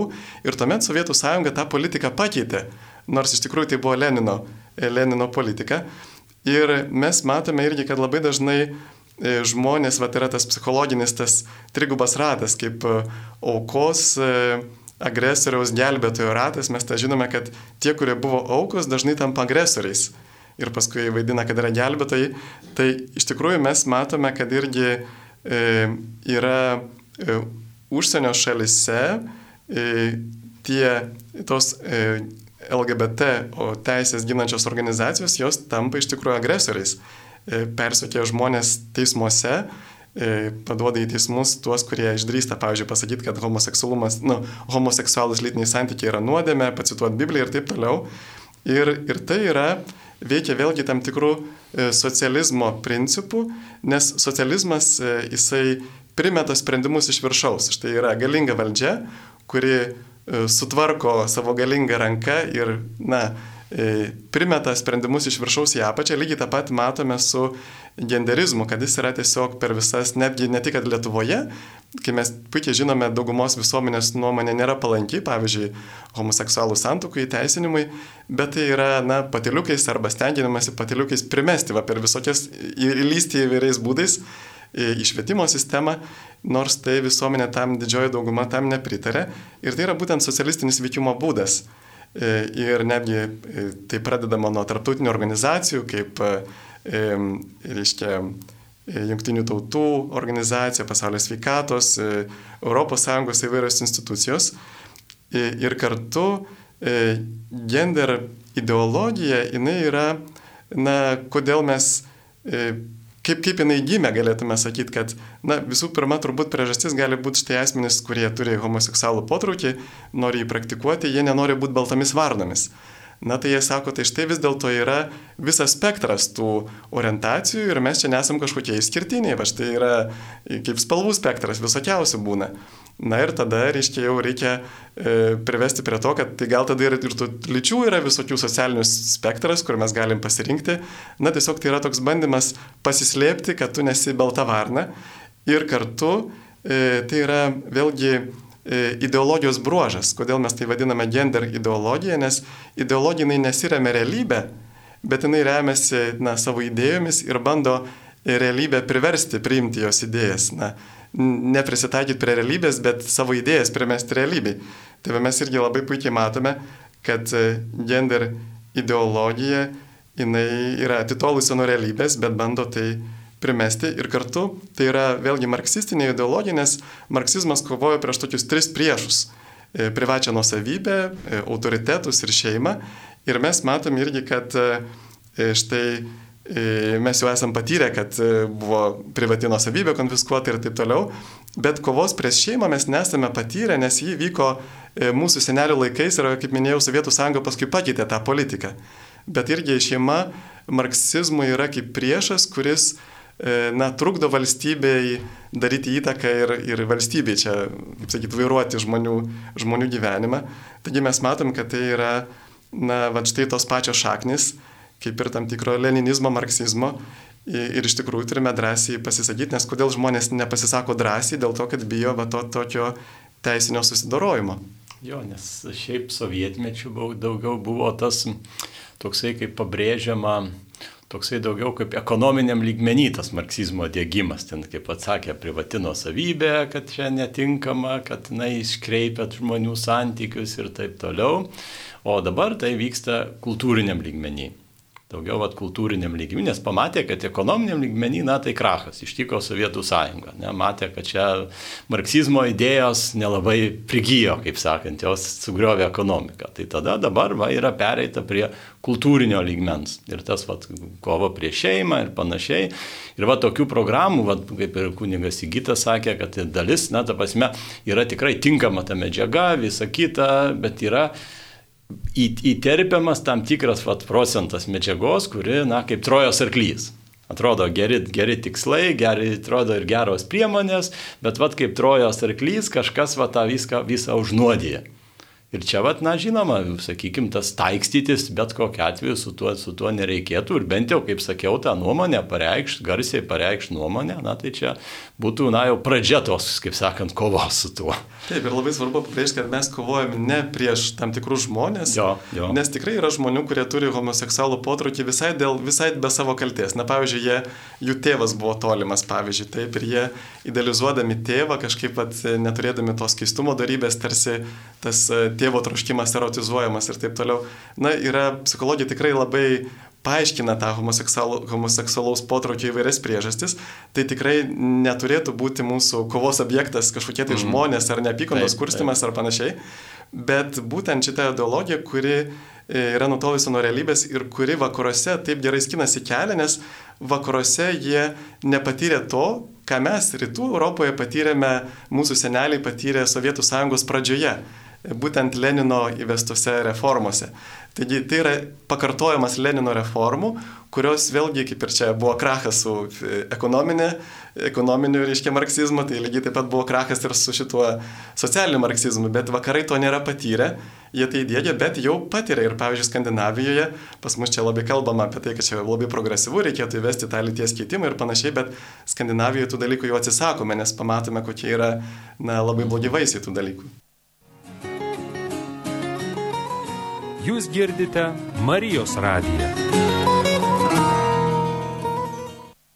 Brangus Marijos radijo klausytojai, jūs vėl girdite mūsų iš Vilniaus studijoje. Vilniaus studijoje yra kunigas mokslo, teologijos mokslo daktaras Mindaugas Ragaišis, kuris dėsto sakramentinę teologiją Švento Jozapo kunigų seminarijoje. Taip pat aš kunigas Įgytas Jurkštas ir mes toliau atsakinėjame jūsų klausimus. Dar prieš pertrauką buvo toks klausimas, kodėl bitės vartotojai negali paukoti skambindami trumpuoju numeriu 1622. Tai pasitikslinau, kad iš tiesų gali paukoti tik tai telėje fiksuoto ryšio, telėje mobilaus ryšio e, klientai ir tele2 vartotojai, taip pat klientai. Tai kol kas e, tik tai telėje ir tele2 vartotojai gali skambinti 1622 ir paukoti 10 eurų ir 1623 paukoti 20 eurų. Šitas tarifas keičiasi nuo rugsėjo mėnesio, nuo rugsėjo pirmosios, nes pastebėjome, kad dauguma jūsų jau aukojate skambindami po kelis kartus ir panašiai kaip kažkada reikėjo pusantro euro pakeisti 5 eurus, tai valdyba pagalvojo, kad jau atėjo galbūt metas tuos 5 eurus vėl pakeisti į 10 ir eurų, nes pinigai nuvertėja. Taigi toliau turime žinučių. Kryžius yra baisaus kankinimo ir egzekucijos įrankis. Jeigu Jėzus būtų nuteistas mirties bausme kitokiu būdu, ar mes turėtume atitinkamą krikščionybės simbolį, tokį kaip kartovės sukilpa ar budelio kirvis? Na, čia tas klausimas iš srities, kas būtų, jei būtų. Tai čia mes galim labai daug diskutuoti ir nežinia, kur nueiti su tokiais, su tokiais svarstymais. Iš tiesų, na, kryžius tai buvo tuo metu, na, žiauriausia, ko gero, bausmė, kurią praktikavo romėnai, nors jau ir senesnius laikus jinai siekia. Ir čia tikrai, na, paprastai ir pagal romėnų teisę, tai galėjo tik tai svetim šaliai, vergai būti tokia bausmė baudžiami, netgi Romos pilietybę turintys asmenys, jie iš tiesų būdavo, čia, ši, ši bausmė jiem ne, nebūdavo skiriama. Tai šiuo atveju, na vėlgi, nesusik, nereikėtų susikoncentruoti vien į pačią bausmės, patį bausmės būdą, Iš tiesų, na, mes gal matykime pirmiausiai, kalbėdami apie Jėzaus mirtį ir kančią, ką jis dėl mūsų yra padaręs. Kas jis yra? Jis yra Dievo sūnus. Jis ne tik tai tapo žmogumi vienu iš mūsų, tai irgi jau didelis žingsnis. Ne pusdievių kažkokiu, tai kaip pat pavyzdžiui buvo Heraklis ar kiti, bet, bet tapo tikru pilnu žmogumi pilną žmogystę. Tai reiškia ir alkį jautė, ir troškulį, ir taip toliau, ir, ir, ir, ir kaip žmogus, na, tikrai nedemonstravo tų kažkokių tai supergalių. Jisai tikrai nusižemino, kaip Paulius sako, nusižemino ir tapo klusnus iki mirties, iki kryžiaus mirties. Ir kaip ta mirtis, na, įvyko, ar tenai būtų, sakykime, kryžius, ar koks kitas būdas, kartuvės, ar kažkas, tai, na, tai esmės nekeičia buvo Jėzaus auka dėl mūsų. Jis prisėmė tas pasiekmes, nuodėmės pasiekmes, kurią žmonių nuodėmės, kur, kur, kurią žmonija buvo užsitraukusi. Tai tikrai, na, jo, jo pasiaukojimas. Ir čia mes galbūt pirmiausiai, kai žiūrime į kryžių, na, pirmiausiai tą ir matykime, kad jo, jo meilę, kad jis, jo, jo rūpestį mumis, Dievo meilę, o čia ar tenai būtų kartuvės ar kažkas tai kitas, čia nėra esminis dalykas. Na tiesiog tuo laiku buvo tokia tokia, tokia bausmių taikymo tvarka, jeigu Jėzus būtų miręs mūsų laikais, tai ko gero būtų gal kokiu kitokiu būdu jisai nukankintas. Bet čia nėra esmė. Čia nėra esmė, ar ten daug, mažai kankinosi, bet esmė yra ta, kad jisai, kad jisai būtent už mus pasiaukojo. Taip, ir čia yra būtent Dievo meilės ženklas. Ir meilę mes galime, na, parodyti, jeigu žmogų tik truputį mylime, pavyzdžiui, taip, na, galim su juo jam skirti penkias minutės. Jeigu jau labiau mylime, galim ir pusvalandį kalbėtis ir aplankyti net. Galim, jeigu dar labiau mylim, galim ir brangią dovaną jam padaryti. O va štai Jėzus meilė, Dievo meilė mums yra tokia didelė, kad jis netgi tokią pačios didžiausios kančios, kankinimo kančią iškentė iš meilės už mus. Tai yra va tas jo kančios dydis parodo jo meilės dydį. Taip turime skambutį. Antanas iš Kelmės. Garbėjai Zukristui. Per amžius, Antanai. Aš norėjau paklausti, ką reiškia tikinčiam viskas galima. Čia, kiek, kiek aš įsivaizduoju, yra palačia ar Pauliaus, ar, ar, ar, ar, ar dabar negaliu tiksliai, tiksliai atsekti, iš kur čia tas tie žodžiai, jie man yra girdėti. Taip, atrodo, kad ir Jėzus liktai savo, kad tikinčiam viskas galima. Jo, jo, jo, jo, kažkas tai sakau, girdėti jie, bet tiksliai negaliu pasakyti, iš kur, va dabar kunigas įgytas darbas iš manių telefonų, patikrins, iš kur tai kyla. Na, bet esmė yra ta, vėlgi, kaip mes elgiamės, ta prasme, pagal kokius kriterijus, vado, kokiais kriterijais, kokiom vertybėm vadovaudamėsi mes elgiamės. Jeigu mes elgiamės vadovaudamėsi tikėjimu, tai kaip sakant, gyvendami tikėjimu, na tai tokiu atveju mes nedarysime nuodėmingų dalykų. Mes darysime tai, ko nori Dievas. Nes tikintys, ką jisai, jisai tiki, yra priima Dievą į savo gyvenimą ir vykdo jo valią. Dievo valia mums blogo nenori ir mūsų prie blogo nekreipia. Ir dėl to tas pasakymas, kad tikinti, tikinčiam, kaip tikinčiam, kaip sakant, ne kad tam, kuris tik tai tiki atėjęs į bažnyčią arba ten kada meldžiasi, o kitų laikų elgesi kaip jam arba vadovaujasi kitom vertybėm, na tai čia tas pasakymas iš tiesų netinka ir, ir, ne, ir ne, negali būti taikomas. Bet čia šiuo atveju kalbam apie būtent tą tikėjimo praktikavimą. Ir kada žmogus praktikuoja tikėjimą, tai žinoma, jisai tada elgsis pagal Dievo valią ir tokiu atveju tai, kas kyla iš tikėjimo, iš tiesų jam viskas yra galima. Tai. Taip, ir čia tas kontekstas yra, kada pas Jėzų ateina žmogus, e, kurio e, piktoji dvasia apsėda jo, mm. jo vaiką, berniuką, ir mokiniai nepajėgia išvaryti piktosios dvasios. Ir čia net keletas momentų yra. Tai vienas dalykas, kad Jisai sako, jeigu ką gali, ar ką gali, jei ką gali, pasigailėk mūsų ir padėk mums. Ir Jėzus jam atsakė, jei ką gali, tikinčiam viskas galima. Ir tas žmogus sako, tikiu, padėk mano netikėjimui. Taigi Jėzus sako, tai ne todėl, kad e, šiaip žmogus, pavyzdžiui, jeigu aš tikiu, kad aš esu raganosis ir staiga pavirsiu raganosis, tai čia ne apie tai, mhm. bet apie tai, kad jis yra Jėzaus akivaizdoje, kuris yra Dievas. Ir Dievas gali, Dievui nėra negalimų dalykų ir todėl, būdami Jėzaus akivaizdoje, mhm mes galime viską gauti, kas yra pagal Dievo valią, nes gal kai kurie dalykai nebus pagal Dievo valią. O štai dar kitas žmogus, kada tai yra kitas momentas, kad tas tikėjimas mokinių buvo silpnas, nes Jėzus sako, ta veislė neišvaroma nieku kitu, tik malda ir paskui kitose rankraščiuose ir pasninku. Taigi mokiniai per mažai meldėsi ir pasninkavo, jų malda ir pasnikas nebuvo gilus ir todėl jie nebuvo e, atviri va, tam tikėjimui e, Dievo gale veikiančia per Jėzų Kristų. Klausimas žin, esame žinute, ar Lietuvos bažnyčia nesiruošia peržvelgti aukojimo už sakramentus tvarkos. Neveltui juk kilo pasakymas užpirkti mišes, taip pat ir pinigų davimas už sakramentus. Na, e, šiaip popiežius Pranciškus yra sakęs vieną kartą, kad nereikėtų, na, kad būtų geriau, jeigu būtų padėta aukų dėžutė ir žmonės aukotų kiek nori, na, kad jie nebūtų priversti aukoti, užrašyti. Ir aišku, kartais yra toksai ir, na, tokia praktika irgi, kad e, žmonės, kada jie ateina užrašyti, kito žmogaus akivaizdoje, jie paukoja daugiau, negu kad įmesdami aukų dėžutę. Bet aišku, kad dažnai tai, na, ne, nedažnai, bet kartais tai gali virti tam, virsti tam tikrų piknaudžiavimų, kada, pavyzdžiui, nustatomas tam tikros kainos, kas jau būtų simonija, simonijos nuodėmė, pardavinėjimas šventų dalykų, kur Jėzus sako, dovanai, gavote, dovanai duokite. Bet e, čia tiesiog reikėtų gal pagalvoti apie tai, kad e, e, jeigu mes padedam išlaikyti savo bažnyčią, tai bažnyčia neturėtų kilti jokių problemų dėl, dėl šitų visokių aukų. Ir aišku, galima būtų pagalvoti tikrai apie tai, kad galbūt e, reikėtų gal mažiau to tokio, na, užrašinėjimo, bet galbūt tiesiog galėtų būti aukų dėžutės, kur žmogus galėtų tikrai, na, bet kita vertus ir pats žmogus turėtų būti laisvas to užrašinėjančio žmogus akivaizdoje aukoti tiek, kiek jis yra pasiruošęs, o nebijoti, ką čia dabar pagalvos.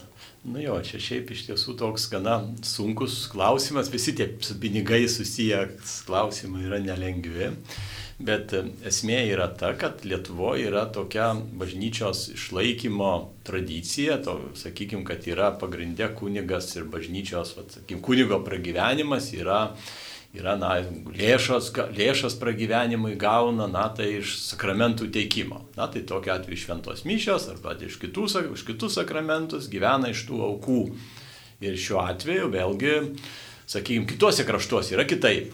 Pavyzdžiui, ten Vokietijoje yra dalis mokesčių e, skiriama bažnyčiai. Ir tada tos mišių aukos būdavo, kiek aš, kadangi ten esu studijavęs, tai, tai, tai šiek tiek žinau tą sistemą, tai, tai ten faktiškai jos yra simbolinės užmišęs tos aukos. Bet ten gauna bažnyčia išlaikymą iš kitur. Tai čia tokiu atveju viskupam pertvarkyti, na tai čia jau reikėtų keisti pačią finansavimo sistemą. Tai būtų gana didelis darbas, nežinau, ar jie ten tą daro, nedaro, kada čia laidosi viskupai dalyvauja, tai apie tai užklauskit jų, o tas pasakymas užpirkti mišes, na jisai vėlgi nelabai toksai galbūt tinkamas ir dėl, dėl to, ką vat ir Sigitas paminėjo, bet vėlgi, kada mes jį vartojame, mes labai viską suvedame į tokią komercinę sritį tu man aš tau, kaip sakant, tai va toksai kaip ir Dievo malonę lyg norim nupirkti savotiškai. Tai, tai čia tas pats to pasakymo nereikėtų šiaip vartot, tiesiog mes paliekam auką, kai ateinam iš mišes, tai yra paliekama tiesiog auka. Taip, ir pavyzdžiui, mes turime kažką panašaus, kaip jūs paminėjot Vokietijoje, tą atvejį turime galimybę 1,2 procento skirti. Mhm dabar jau net ir ne tik organizacijoms, bet net ir ne tik politinėms partijoms, bet net ir profsąjungoms. Ir tikrai varaginčiau to naudotis, nes pavyzdžiui, už praeitus metus Marijos, Marijos radijas gavo net 50 tūkstančių eurų būtent iš šito perskirstimo mokesčių, kada jums tai nieko nekainavo, o štai Marijos radijas gavo 50 tūkstančių, kas beveik na, netoli mėnesio išlaidų padengimas. Taigi galėtume aktyviau irgi perskirstyti, kur valdžia leidžia mums e, tas e, pajamų mokestį, kas dar dirba Tai turime kitą klausimą. E, ir dar buvo klausytojų klausimas, tuoj atsiversiu. E, dažnai kunigas globėjas yra vadinamas dvasios tėvo. Koks būtų tinkamesnis įvardymas, kad kunigo vidaus nekelti į susireikšminimą, išvengti pataikavimo kunigui, jeigu visi esame lygus? Mhm. Na, tas pasakymas dvasios tėvas, jis irgi turi savo prasme ir kada, sakykime, kunigas yra kaip sielovadininkas, kuris veda sielą. Ir jisai, na, kaip tėvas patarė, galbūt kartais ten ir, ir, ir kokį nors, sakykime, jeigu mato, kad jo vaikas eina kažkur netinkamu keliu, gal ir įspėja ar kažką tai panašaus. Ir būnam kartais mes irgi susirandam savo kad ypač kurie dva, gilesnį dvasinį gyvenimą gyvena, tai jie tada susiranda tą kunigą, kuris juos lydi. Tai tas palydėtojas yra dvasios tėvas. Šiaip yper, kiti kunigai, na žinoma, irgi jie, sakykime, pamokslų sako ir visa kita, bet tai jau tie dvasios tėvais, galima sakyti, yra tokia platesnė prasme. Pagrindinis mūsų dvasios tėvas, aišku, yra Kristus, kaip ir Evangelija yra parašyta, čia ne per seniausiai buvo. Kristus yra pagrindinis, jisai mus veda, o tėvas žemiški tiek tėvai, kaip fiziniai tėvai mus, mus, mus veda daugiau, sakykime, tose su visuomenė, su kasdieniu gyvenimu susijusiuose dalykuose, o būtent kada yra kunigas, na, jisai daugiau su dvasiniais dalykais susijusioje srityje, mums pagelbsti keli, tai jisai tada dėl to ir vadinamas dvasios tėvu ir, ir net kai kuriuose kraštuose, net ir į kunigus kreipiamas tėvė. Bet tai nemanyčiau, kad šiuo atveju yra kažkoks tai susireikšminimo aspektas, yra, kad čia va dabar va dvasios pasakysi dvasios tėvas, tai jisai puls į didžiausią puikybę. Jeigu kunigas tikrai gyvena dvasinį gyvenimą, tai jisai supras, kas yra tikrasis dvasios tėvas, kad, gal, tai, kad tai ne jis. Ir gal kaip tik mūsų visuomenėje yra tėvystės tokia sunikimo mm. problema, gal kaip tik priešingai reikėtų skatinti na, tą tokį tėvystės vėl atradimą iš naujo ir, ir vyriškumo taip pat, tai turime vėl žinučių. Kaip, kada ir kodėl atsirado diekonystė? Mm, na, čia taip jau, taip atsakyti. Na, mes juk žinome, kad ir, ir šventame rašte irgi minimi diakonai. Taip, taip. Ir netgi diakonai turbūt buvo net ir pirmiau, už jau tik vėliau šiek tiek pradedame E, na kaip pasakyti, gal tas žodis labiau atsiranda presbiteros, tas vyresnysis, graikiškai e, vos vos vėliau, bet iš pradžio tik labai, labai aiškiai minimi diakonai ir apaštalai. E, arba būtų va, tie, tie viskupų atstovai. Na, jo, nu, galima sakyti. Paulius kad... mini, iš tiesų, iš tiesų ten tie, va, kur septyni diakonai, ten neminima, ten tik tai, kad buvo pats terminas nevartojamas pagal savo, savo prasme, tai turima omeny kaip tie diakonai.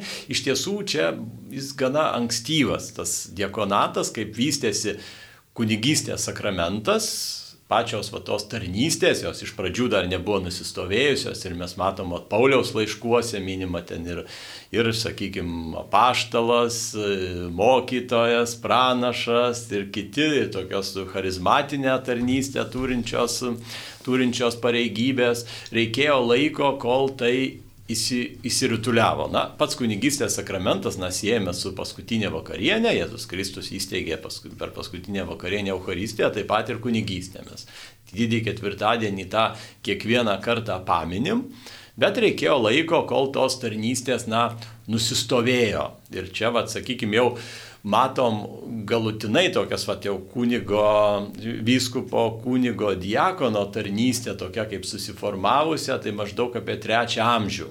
Jau, to prasme, galutinai nusisto. Jos egzistavo, bet dar iš paraleliai egzistavo ir kitokios tarnystės, bet jau įsikristalizavo galutinai apie trečią amžių. Ir, ir čia šiuo atveju, na vėlgi, yra Jėzų siekiantys e, dalykas, kaip ir jau mes matom ir apaštalų laikais tas buvo praktikuota, yra paštalų tradicija siekiantis dalykas, tai, tai jis, galima sakyti, atsiradęs yra kartu su kunigystė. Gal ir nebuvo tiesiogiai įvardinta iš pradžių, arba apibriešta, kas tą tarnystę apima ar kas ją sudaro, bet jinai tai siekia pačią pradžią. Kaip ir visa, visa ta vat, trejopa kunigystė, kad yra vyskupo, tie trys kunigystės laipsniai, tai vyskupo, kunigo ir diakono. Tai siekia pačią pradžią. Tai čia sakyt, kad atsirado ten viduramžiais ar tenai atsirado trečiam amžiui, tikrai būtų, būtų neteisinga.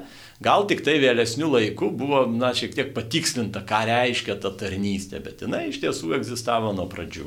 Taip, ir kartu patyrė tam tikrą tokią evoliuciją, ta diekonystė, nes iš pradžių tai buvo rūpinimasis vargšais, paskui vienu metu tai tapo tik tai laiptelis link kunigystės, nebuvo tokių pastovių diakonų ir dabar vėl bažnyčia vėl grįžta prie tokios pastovios diekonystės, bet vėlgi ta diekonystė, va šventina vedusius diakonus Lietuvoje visai neseniai pirmieji prieš keletą metų išvendinti, bet kartu irgi ne visada pirmąją tą prasme diekonystės, kad tai yra nurūpinimasis vargšais, kas iš tikrųjų būtų poreikis labai didelis bažnyčios, bet labai dažnai tai virsta tokiu patarnamu prie altoriaus, prie Dievo žodžio.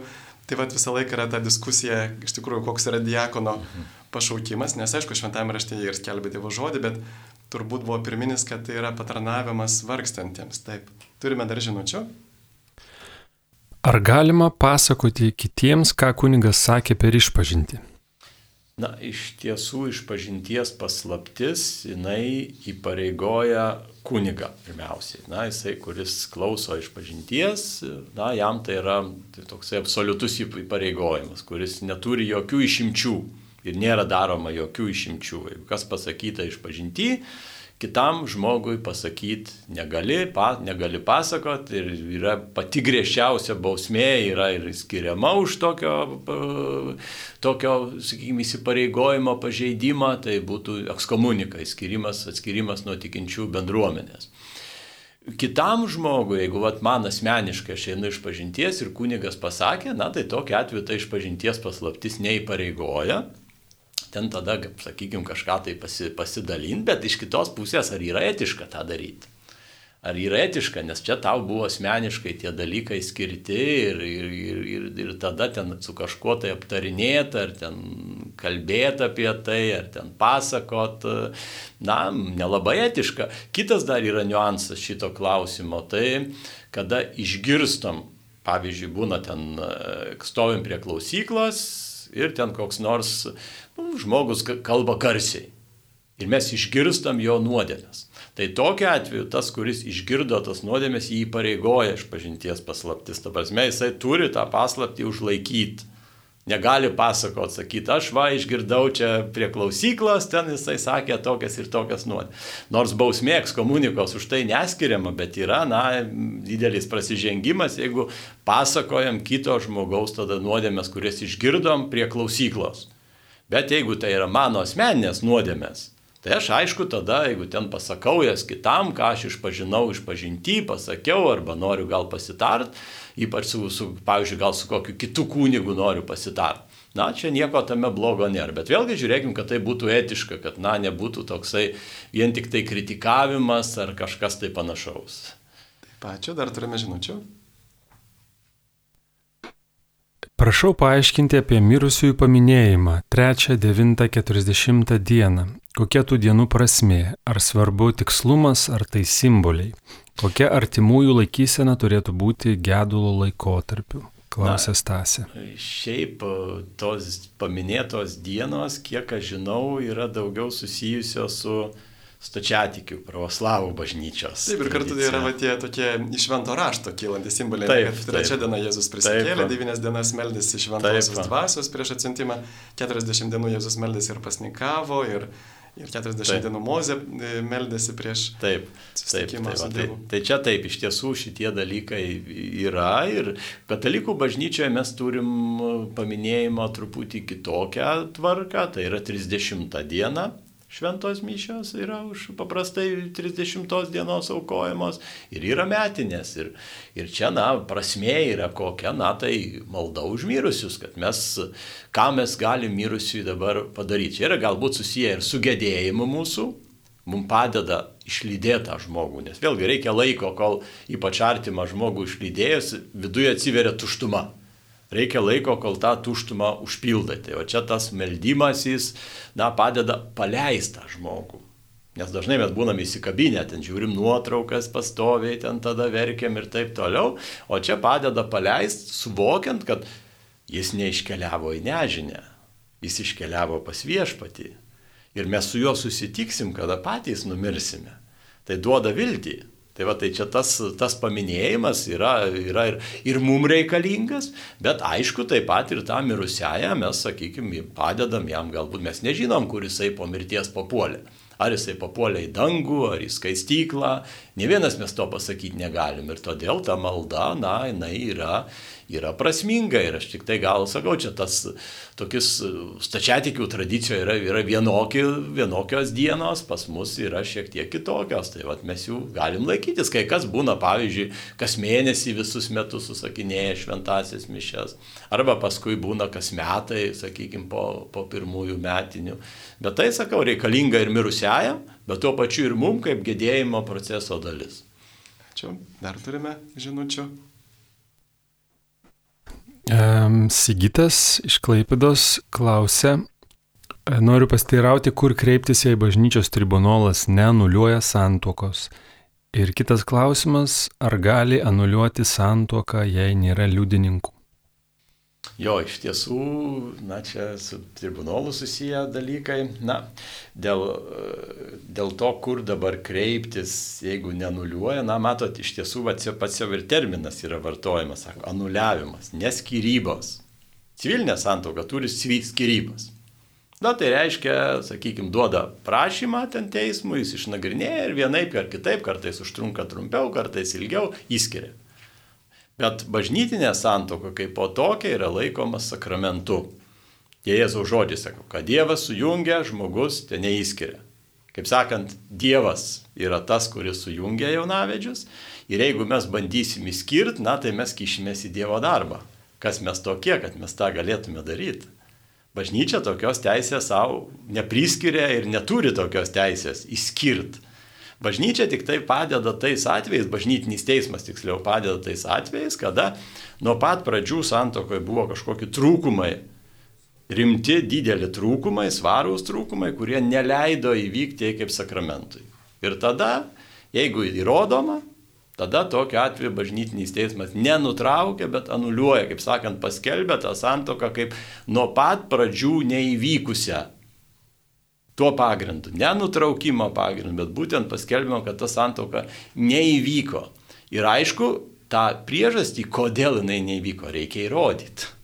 Ir čia neužtenka tik parašyti prašymę, aš manau, taip ir taip buvo.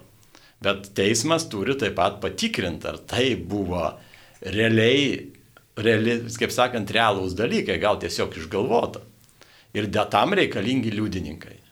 Jeigu liudininkų nėra, Tokiu atveju, tada jeigu tas vat, nu, vedamas procesas normaliu būdu, na, jisai paprastai yra, yra nutraukiamas. Kitaip yra su dokumentiniu būdu vedamas, vedamom bylom, kada ten pavyzdžiui buvo toks atvejis, kai buvo sudaryta anksčiau santoka bažnytinė ir tą naują santoką sudarant buvo nuslėpta.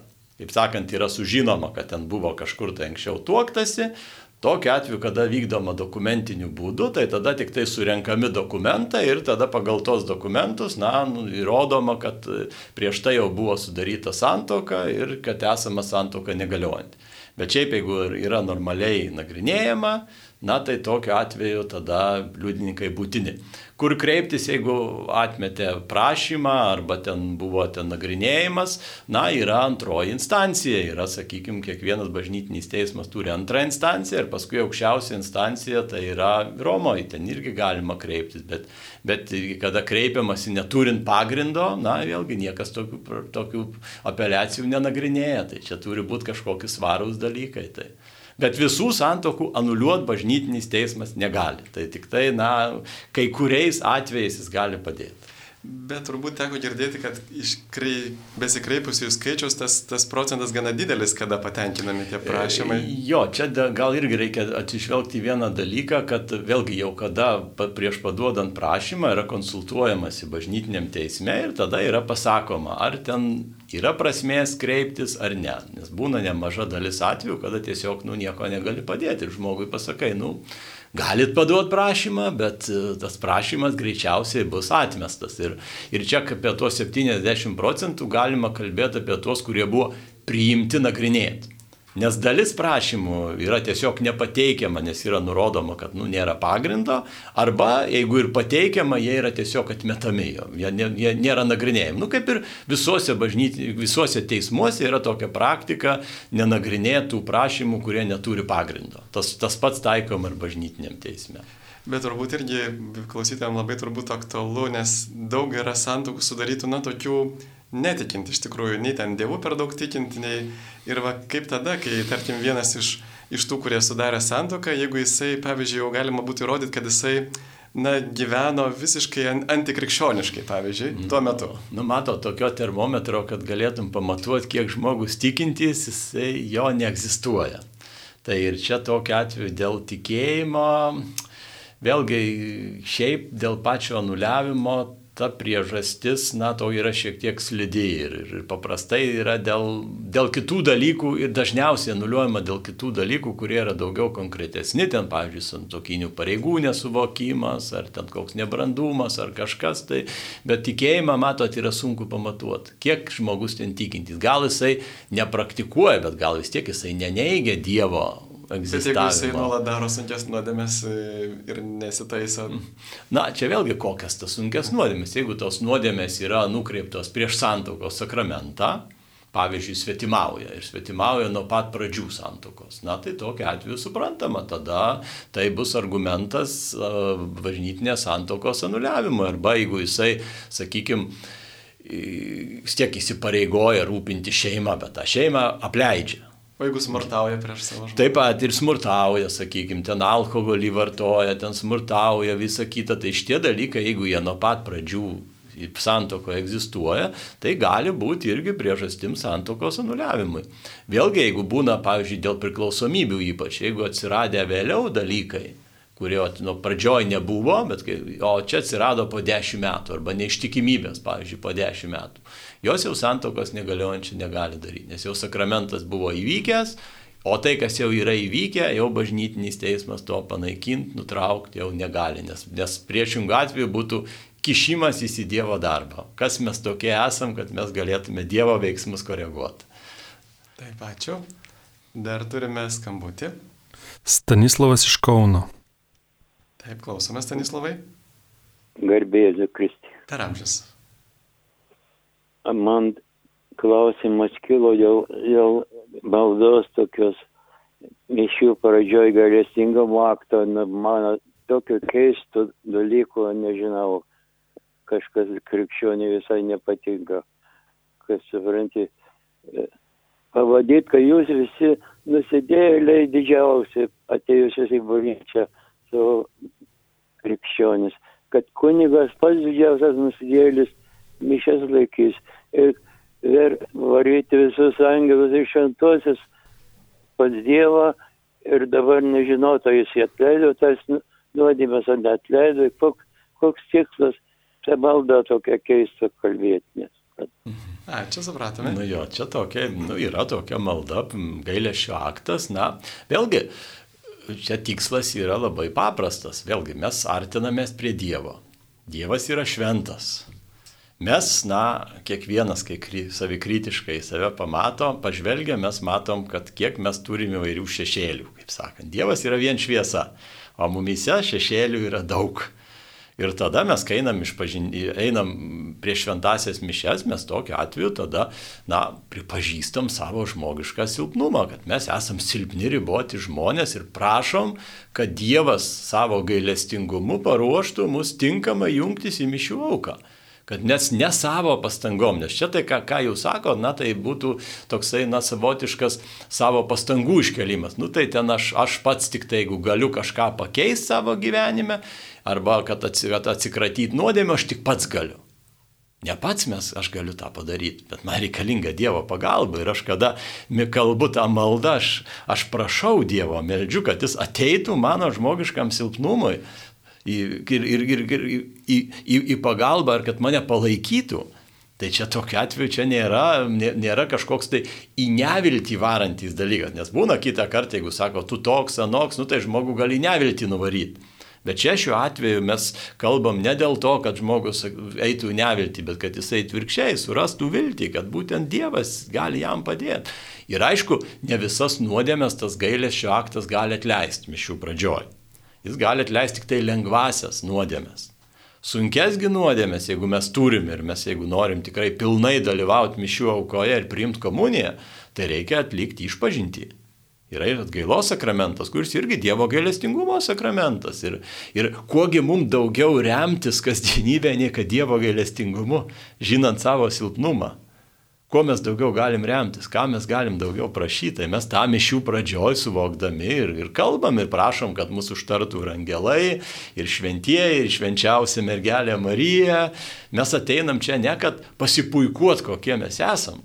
Štai mes tokie ir anokie, daug padarėme įvairių darbų, bet mes ateinam su savo silpnybėm ir prašom Dievo gailestingumo, tai čia tokiu atveju tas gailesčio aktas man tikrai neužkliūva, jisai tikrai yra labai prasmingas ir, ir jisai mums padeda tinkamai pasiruošti artintis prie Dievo, nes mes prie šventų dalykų reikia artintis tinkamai pasiruošus, kaip prie degančiame krūmėgi Jėzus, ne Jėzus, bet Dievas Mozijai pasakė, nusiauk sandalus, nes vieta, kurioje stovi šventa. Tai, tai čia mes irgi kažką tai panašaus turim daryti apie šventasias mišes. Taip ir tas žmonių nusidėjimas, nuodėmingumas yra šventame rašte ne vienoje vietoje parašyta, pavyzdžiui, romiečiams Paulius laiškė sako, visi yra nusidėję ir stokoja Dievo garbės, arba Jonas mm. sako savo laiškė, kad jeigu sakytume, kad neturime nuodėmės, tai darytume jį Dievo melagiu. Ir nuodėmė yra nepataikymas į taikinį, va taip jeigu graikiškai tas žodis gamartyje, Tai aišku, kad e, mes labai dažnai nepataikom į taikinį ir kas yra tas taikinys, būtent pats Jėzus Kristus, būtent tas Dievo paveikslas, pagal kurį esame sukurti. Mes žmonės nesam gyvuliai, mes esam sukurti pagal Dievo paveikslą ir kaip apgailėtina, kad mes dažnai, dažniausiai, beveik visada ne, neatspindim to Dievo paveikslo. Va, tai dar turime turbūt žinučių. Ar tą pačią dieną galima priimti antrą kartą švenčiausiai sakramentą - komuniją. Ar tik ypatingų atvejų, pavyzdžiui, laidotuvės, o gal ir nesant to ypatingo atveju. Tai yra, kai nueinu kitą intenciją į kitą bažnyčią, kitas mišes. Mhm. Na, šiaip dabar ten tiksliai tuos atvejus išvardint būtų gal ir, gal ir sudėtinga, bet šiaip svarbiausia šiais laikais, na, bažnyčia iš tiesų leidžia tą daryti ir va, ar ten per laidotuvės, ar ten kokia ypatingesnė proga, bet aišku, piknaudžiauti tuo nereikėtų. Nereikėtų piknaudžiauti dėl ko? Nes mes galim labai lengvai apsiprast. Nes dvasiniam gyvenimui irgi yra pavojus, kad tada, na, mums Jėzaus prieimimas tampa, nu, kaip kažkokia tai rutina, įprastas dalykas ir tada tenai va nuėjau ten kaip paplotėlį, tik tai priemu ir viską. Bažnyčia ne šiaip savo, na, tą, tai riboja, kad mes, na, išlaikytume šventumą. Ir čia šiuo atveju, jeigu ten koksai, sakyčiau, galbūt rimtesnis atvejis, anksčiau būdavo netgi labai konkrečiai vardyjama kokie atvejai, šiandien aš va negirdėjau, kad toks būtų sąrašas paskelbtas, bet tiesiog yra akcentuojama, kad būtų nu, toksai svaresnis dalykas, kur mums, mus liečiantys mus ar mūsų artimus asmenis, bet, bet, bet jokių būdų ne, stengtis tuo nepiknaudžiauti. Kiekvienam tikinčiam užtenka vieną kartą per dieną priimti švenčiausią sakramentą. Bet jeigu pasitaiko tokia proga, tai taip, bet jeigu kiekvieną sekmadienį dalyvaujam trejose mišios ir priminėjom švenčiausią sakramentą, tai nebūtų gerai. Arba kiekvieną dieną dalyvaujam dviejose mišiose ir kiekvienose priimam švenčiausią sakramentą irgi nebūtų gerai. Tai neturėtų būti taisyklė. Tai turi būti daugiau tokia kaip, kaip išimtis ir, ir turi melkti su ją kaip su išimtim. Ačiū. Dar turime žinučių. Stasė klausia. Šventasis Petras tris kartus išdavė Kristų, gailėjosi ir jam atleista. Ar Judas gailėjosi, ar jo buvo tokia iš ankstinė misija? Na, čia geras klausimas. Iš tiesų nusidėjo tiek vienas, tiek kitas. Ir kaip matot, Petras net tris kartus, tai ne tik tai, kad vieną kartą, bet net, net tris kartus. Ir prieš tai prisiekinėjo, kad sako, jokių būdų aš neves neįsiginsiu, o čia vat ir žmogiškas silpnumas pakišo koją. Ir čia va tik tai mes, mes matom, kad pavyzdžiui, galbūt tokia laikysena jų buvo šiek tiek skirtinga. Petras, na, jisai puola į ašaras, jisai prašo viešpatį, nusidėjau, sako viešpačiui. Tai jis, kaip sakant, viešpatį įvardyja konkrečiai, jisai, nu, kaip sakant, labai konkrečiai, nu, tas jo gailestys, na, jisai buvo į Dievą nukreiptas. Judas gina, jisai, ką jisai pamatė rezultatą ir tada sako, ką aš padariau. Bet, na, su Dievu tai nebuvo siejama, tai daugiau siejama su jo pačio nusivylimu, skausmu ir, ir beje, dėl pati ta judo išdavystė, čia šio laikiniai biblistai irgi taip gana įvairiai aiškina ir, ir vienas iš aiškinimų yra toks, kad, na, jisai nebūtinai dėl pinigų tą padarė. Bet e, nors yra minima, kad e, berots evangelistas Jonas, kad čia vat, būtent pinigai didžiausią vaidmenį vaidino, bet jeigu jisai buvo su Jėzumi tiek laiko, tai ir jam kasa buvo jo labiau patikėta, na tai gal jis jau nebuvo toksai didelis sukčius, nes jeigu ten jau būtų sukčiavęs, tai ir anksčiau būtų iškilę tam tikri jau dalykai. Bet Nes... ir parašyta, kad grobstė įplaukas. Nu jo, nu bet sakau, bet, bet matomai gal dar nebuvo taip ribas peržengęs dalykas. O šiaip yra manoma, kad galėjo būti susiję su jo, su, su jo būtent tokia nuostata ir tikėjimu, kad štai jisai priklausė, bent, bent, bent yra manoma, tai su romėnais kovojančiam grupuotėm. Ir tikėjosi, kad štai Jėzus ateis ir romėnam bus galas, kaip sakant, jie bus išvaryti iš švento žemės. Ir kad išprovokuot, kad Dievas galopiau imtųsi to darbo Jis, jis man, bent jau taip kai kurie biblistai aiškina, kad sako, jisai išdavė Jėzų. Išdavė tiesiog norėdamas išprovokuoti Dievo įsikišimą. Bet kada pamatė, kad tai nieko net nešė, na, jisai puolė į neviltį. Tai iš tiesų gailestys nėra neviltis. Gailestys kaip tik tai yra, kad aš žvelgiu į viešpatį, kuris, kurį aš įžeidžiau ir tikiu jo gailestingumu. Judasgi ėjo į save, į vidinį susigraužimą.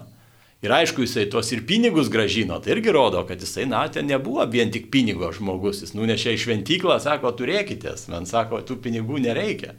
Tai jis vis tiek turėjo, nors ir minima, kad grobstė kasą, bet, bet vėlgi tie pinigai, vėlgi ko gero nebuvo jam pagrindinis motyvas. Tai čia, kaip ten buvo, mes nežinom, bet esmė yra ta, kad vėlgi to tikro gailėšio mes pas judą nematom. Mes nematom, kad jisai vat, būtų tikrai gailėsis, o ar jo tokia paskirtis buvo, kad išduoti Jėzų. Nemanau, Dievas ne vienam nenulėmė, kad tu būsi nusidėlis arba tu būsi šventasis. Jų kaip tik jo buvo parodytas jam didelis pasitikėjimas, jo labiau, kad va ir kasą pavedė. Tai ir, bet jisai tuo piknaudžiavo, kad jisai to nepasinaudojo. Čia jau jo yra bėda, jisai ir dėl to, kaip sakant, taip liūdnai ir baigė savo gyvenimą. Ir aišku, ir Dievas žinojo, ne tai, kad jis paskyrė jį būti, kaip sako, išskyrus pražūties sūnų nepražuvo, ar kad ir tarp, yra vienas, tarp jų yra vienas velnes, bet Dievas žinojo ir jis vis tiek jį išsirenka ir čia galbūt ir mums yra pamoka, kad jeigu Dievas mums, mus išsirenka, tai dar nereiškia, kad mes būsime išgelbėti, nes mes tikrai galim iš bet kurios e, situacijos ar pašaukimo nupulti. Ir va čia gal turbūt reiktų irgi, kaip ir kunigas Minugas minėjo, čia dar pabrėšiu apie tą liūdėsi, kad e, antrame laiške korintiečiams Paulius rašo, septintam skyriuje, mat liūdėsys pagal Dievo valią per atgailą atveda išgelbėjimą. Ir to netenka gailėtis, o šio pasaulio liūdėsys veda į mirtį. Tai va štai judo liūdėsys buvo va, tas toksai savigrauža, nepasitikėjimas, o Petras jisai atgailavo, nes pasitikėjo Dievo gailestingumu ir čia yra šventoji Faustina, jie Jėzus sako, kad į pragarą eina ne didžiausia nusidėjėliai, bet būtent tie, kurie praranda viltį, kurie netiki, kad jiems gali būti atleista. Tai dar turime... E... Ar teisinga, jei šventą, ar teisinga šventą komuniją aukoti už kitą, pavyzdžiui, mirusį? Na, iš tiesų, kada mes dalyvavom šventosiuose mišiuose, na, ne tik tai, kad, sakykime, komunija, bet bendrai, kai dalyvaujame mišiuose, galim turėti tokią intenciją melstis už tą ar tą žmogų. Gal tos mišios ir nebus mūsų, kaip sakant, ten prašyta, kad būtų melžiamas į mūsų intenciją, bet mes vis tiek turim, galim turėti tokią intenciją ir kada einam komuniją, na, galim tokiu atveju priemę komuniją, ne tiek, kad ją paukot, bet gal pirmiausiai pasimels, nes mes esam artimiausiam ryšys su Jėzum. Na, tas to išskirtinis momentas mano gyvenime. Jėzų priemiau, jis yra šalia. Ir aišku, aš tada galiu pavesti jam tai, kas, manęs, kas, kas man yra svarbaus. Yra, sakykime, tas vat, to žmogaus netektis, to žmogaus tolimesnis likimas mane neramina. Ir aš galiu tuos dalykus pavesti Jėzui, kalbėti su juo apie tai. Tik tai dar vat, šito, šito vietoje norėčiau vieną atkreipdėmėsi į vieną dalyką, kada ateina ir sako, iš, sakykime, būna ten išpažinties metu, sako, arba bendrai kalba, sako, o, sako, nori išpažinti paukot už tą ar tą už užmirusį. Na, iš tiesų mes negalim paukoti tai, kas, kur mums rodoma malonė. Mes galim paukoti tai, ką mes patys nu, nusipelnom, kur yra koks nuopelnas. Ta galim nuopelną paukoti. Na ir komunija, na, nėra čia mūsų nuopelnas. Tik tai galim, galim mes, kaip sako, dėko Dievui priemę komuniją ir melstis. O jo labiau išpažinti, kada mes ateinam atsiprašyti. Tai mes atsiprašymą pauko Dievui, na tai tikrai taip jau pagrindo neturim. Čia tik tai galim dėko Dievui, Dieve, ačiū tau, kad tu man atleidai ir tada žinoma, kai va, melžiuosi mišios ir priimu komuniją, tada be abejo už tą mirusį galiu, galiu pasimelsti. Taip, ir aišku, va tie savo nuopelną mes jungiam su Jėzaus nuopelnais mm. ir čia svarbiausias yra Jėzaus, tas aišku nuopelnas ir mes aukojam Jėzaus tą e, kančios nuopelnų už tą mūsų mirusį. Ir yra gražu, kad Dievas sudeda tuos savo turtus į mūsų rankas, malonės turtus ir leidžia mums padalinti. Panašiai, jeigu mes turėtume daug maisto ir mes galėtume arba būti apsileidę, arba labai uoliai jį išnešioti ir padalinti kitiems. Mm. Tai turbūt jau mūsų laikas e, baigėsi. Ačiū gerbimi klausytojai, kad klausėtės, kad klausėte. Ir šiandieną su jumis buvo e, aš kunigas Sigitas Jurkštas ir mūsų studijoje maloniai sutiko ateiti ir pabūti šitas dvi valandas kunigas teologijos mokslo daktaras Mindaugas Ragaišis. Ačiū gerbiamas kunigė. Ir gal galėtumėt pabaigai palaiminti mūsų klausytojus. Visagalio Dievo, Tėvo ir Sūnaus ir Šventosios dvasios palaima ten užžengiant jūsų ir visuomet pasilieka. Amen. Sudė, iki kitų susitikimų.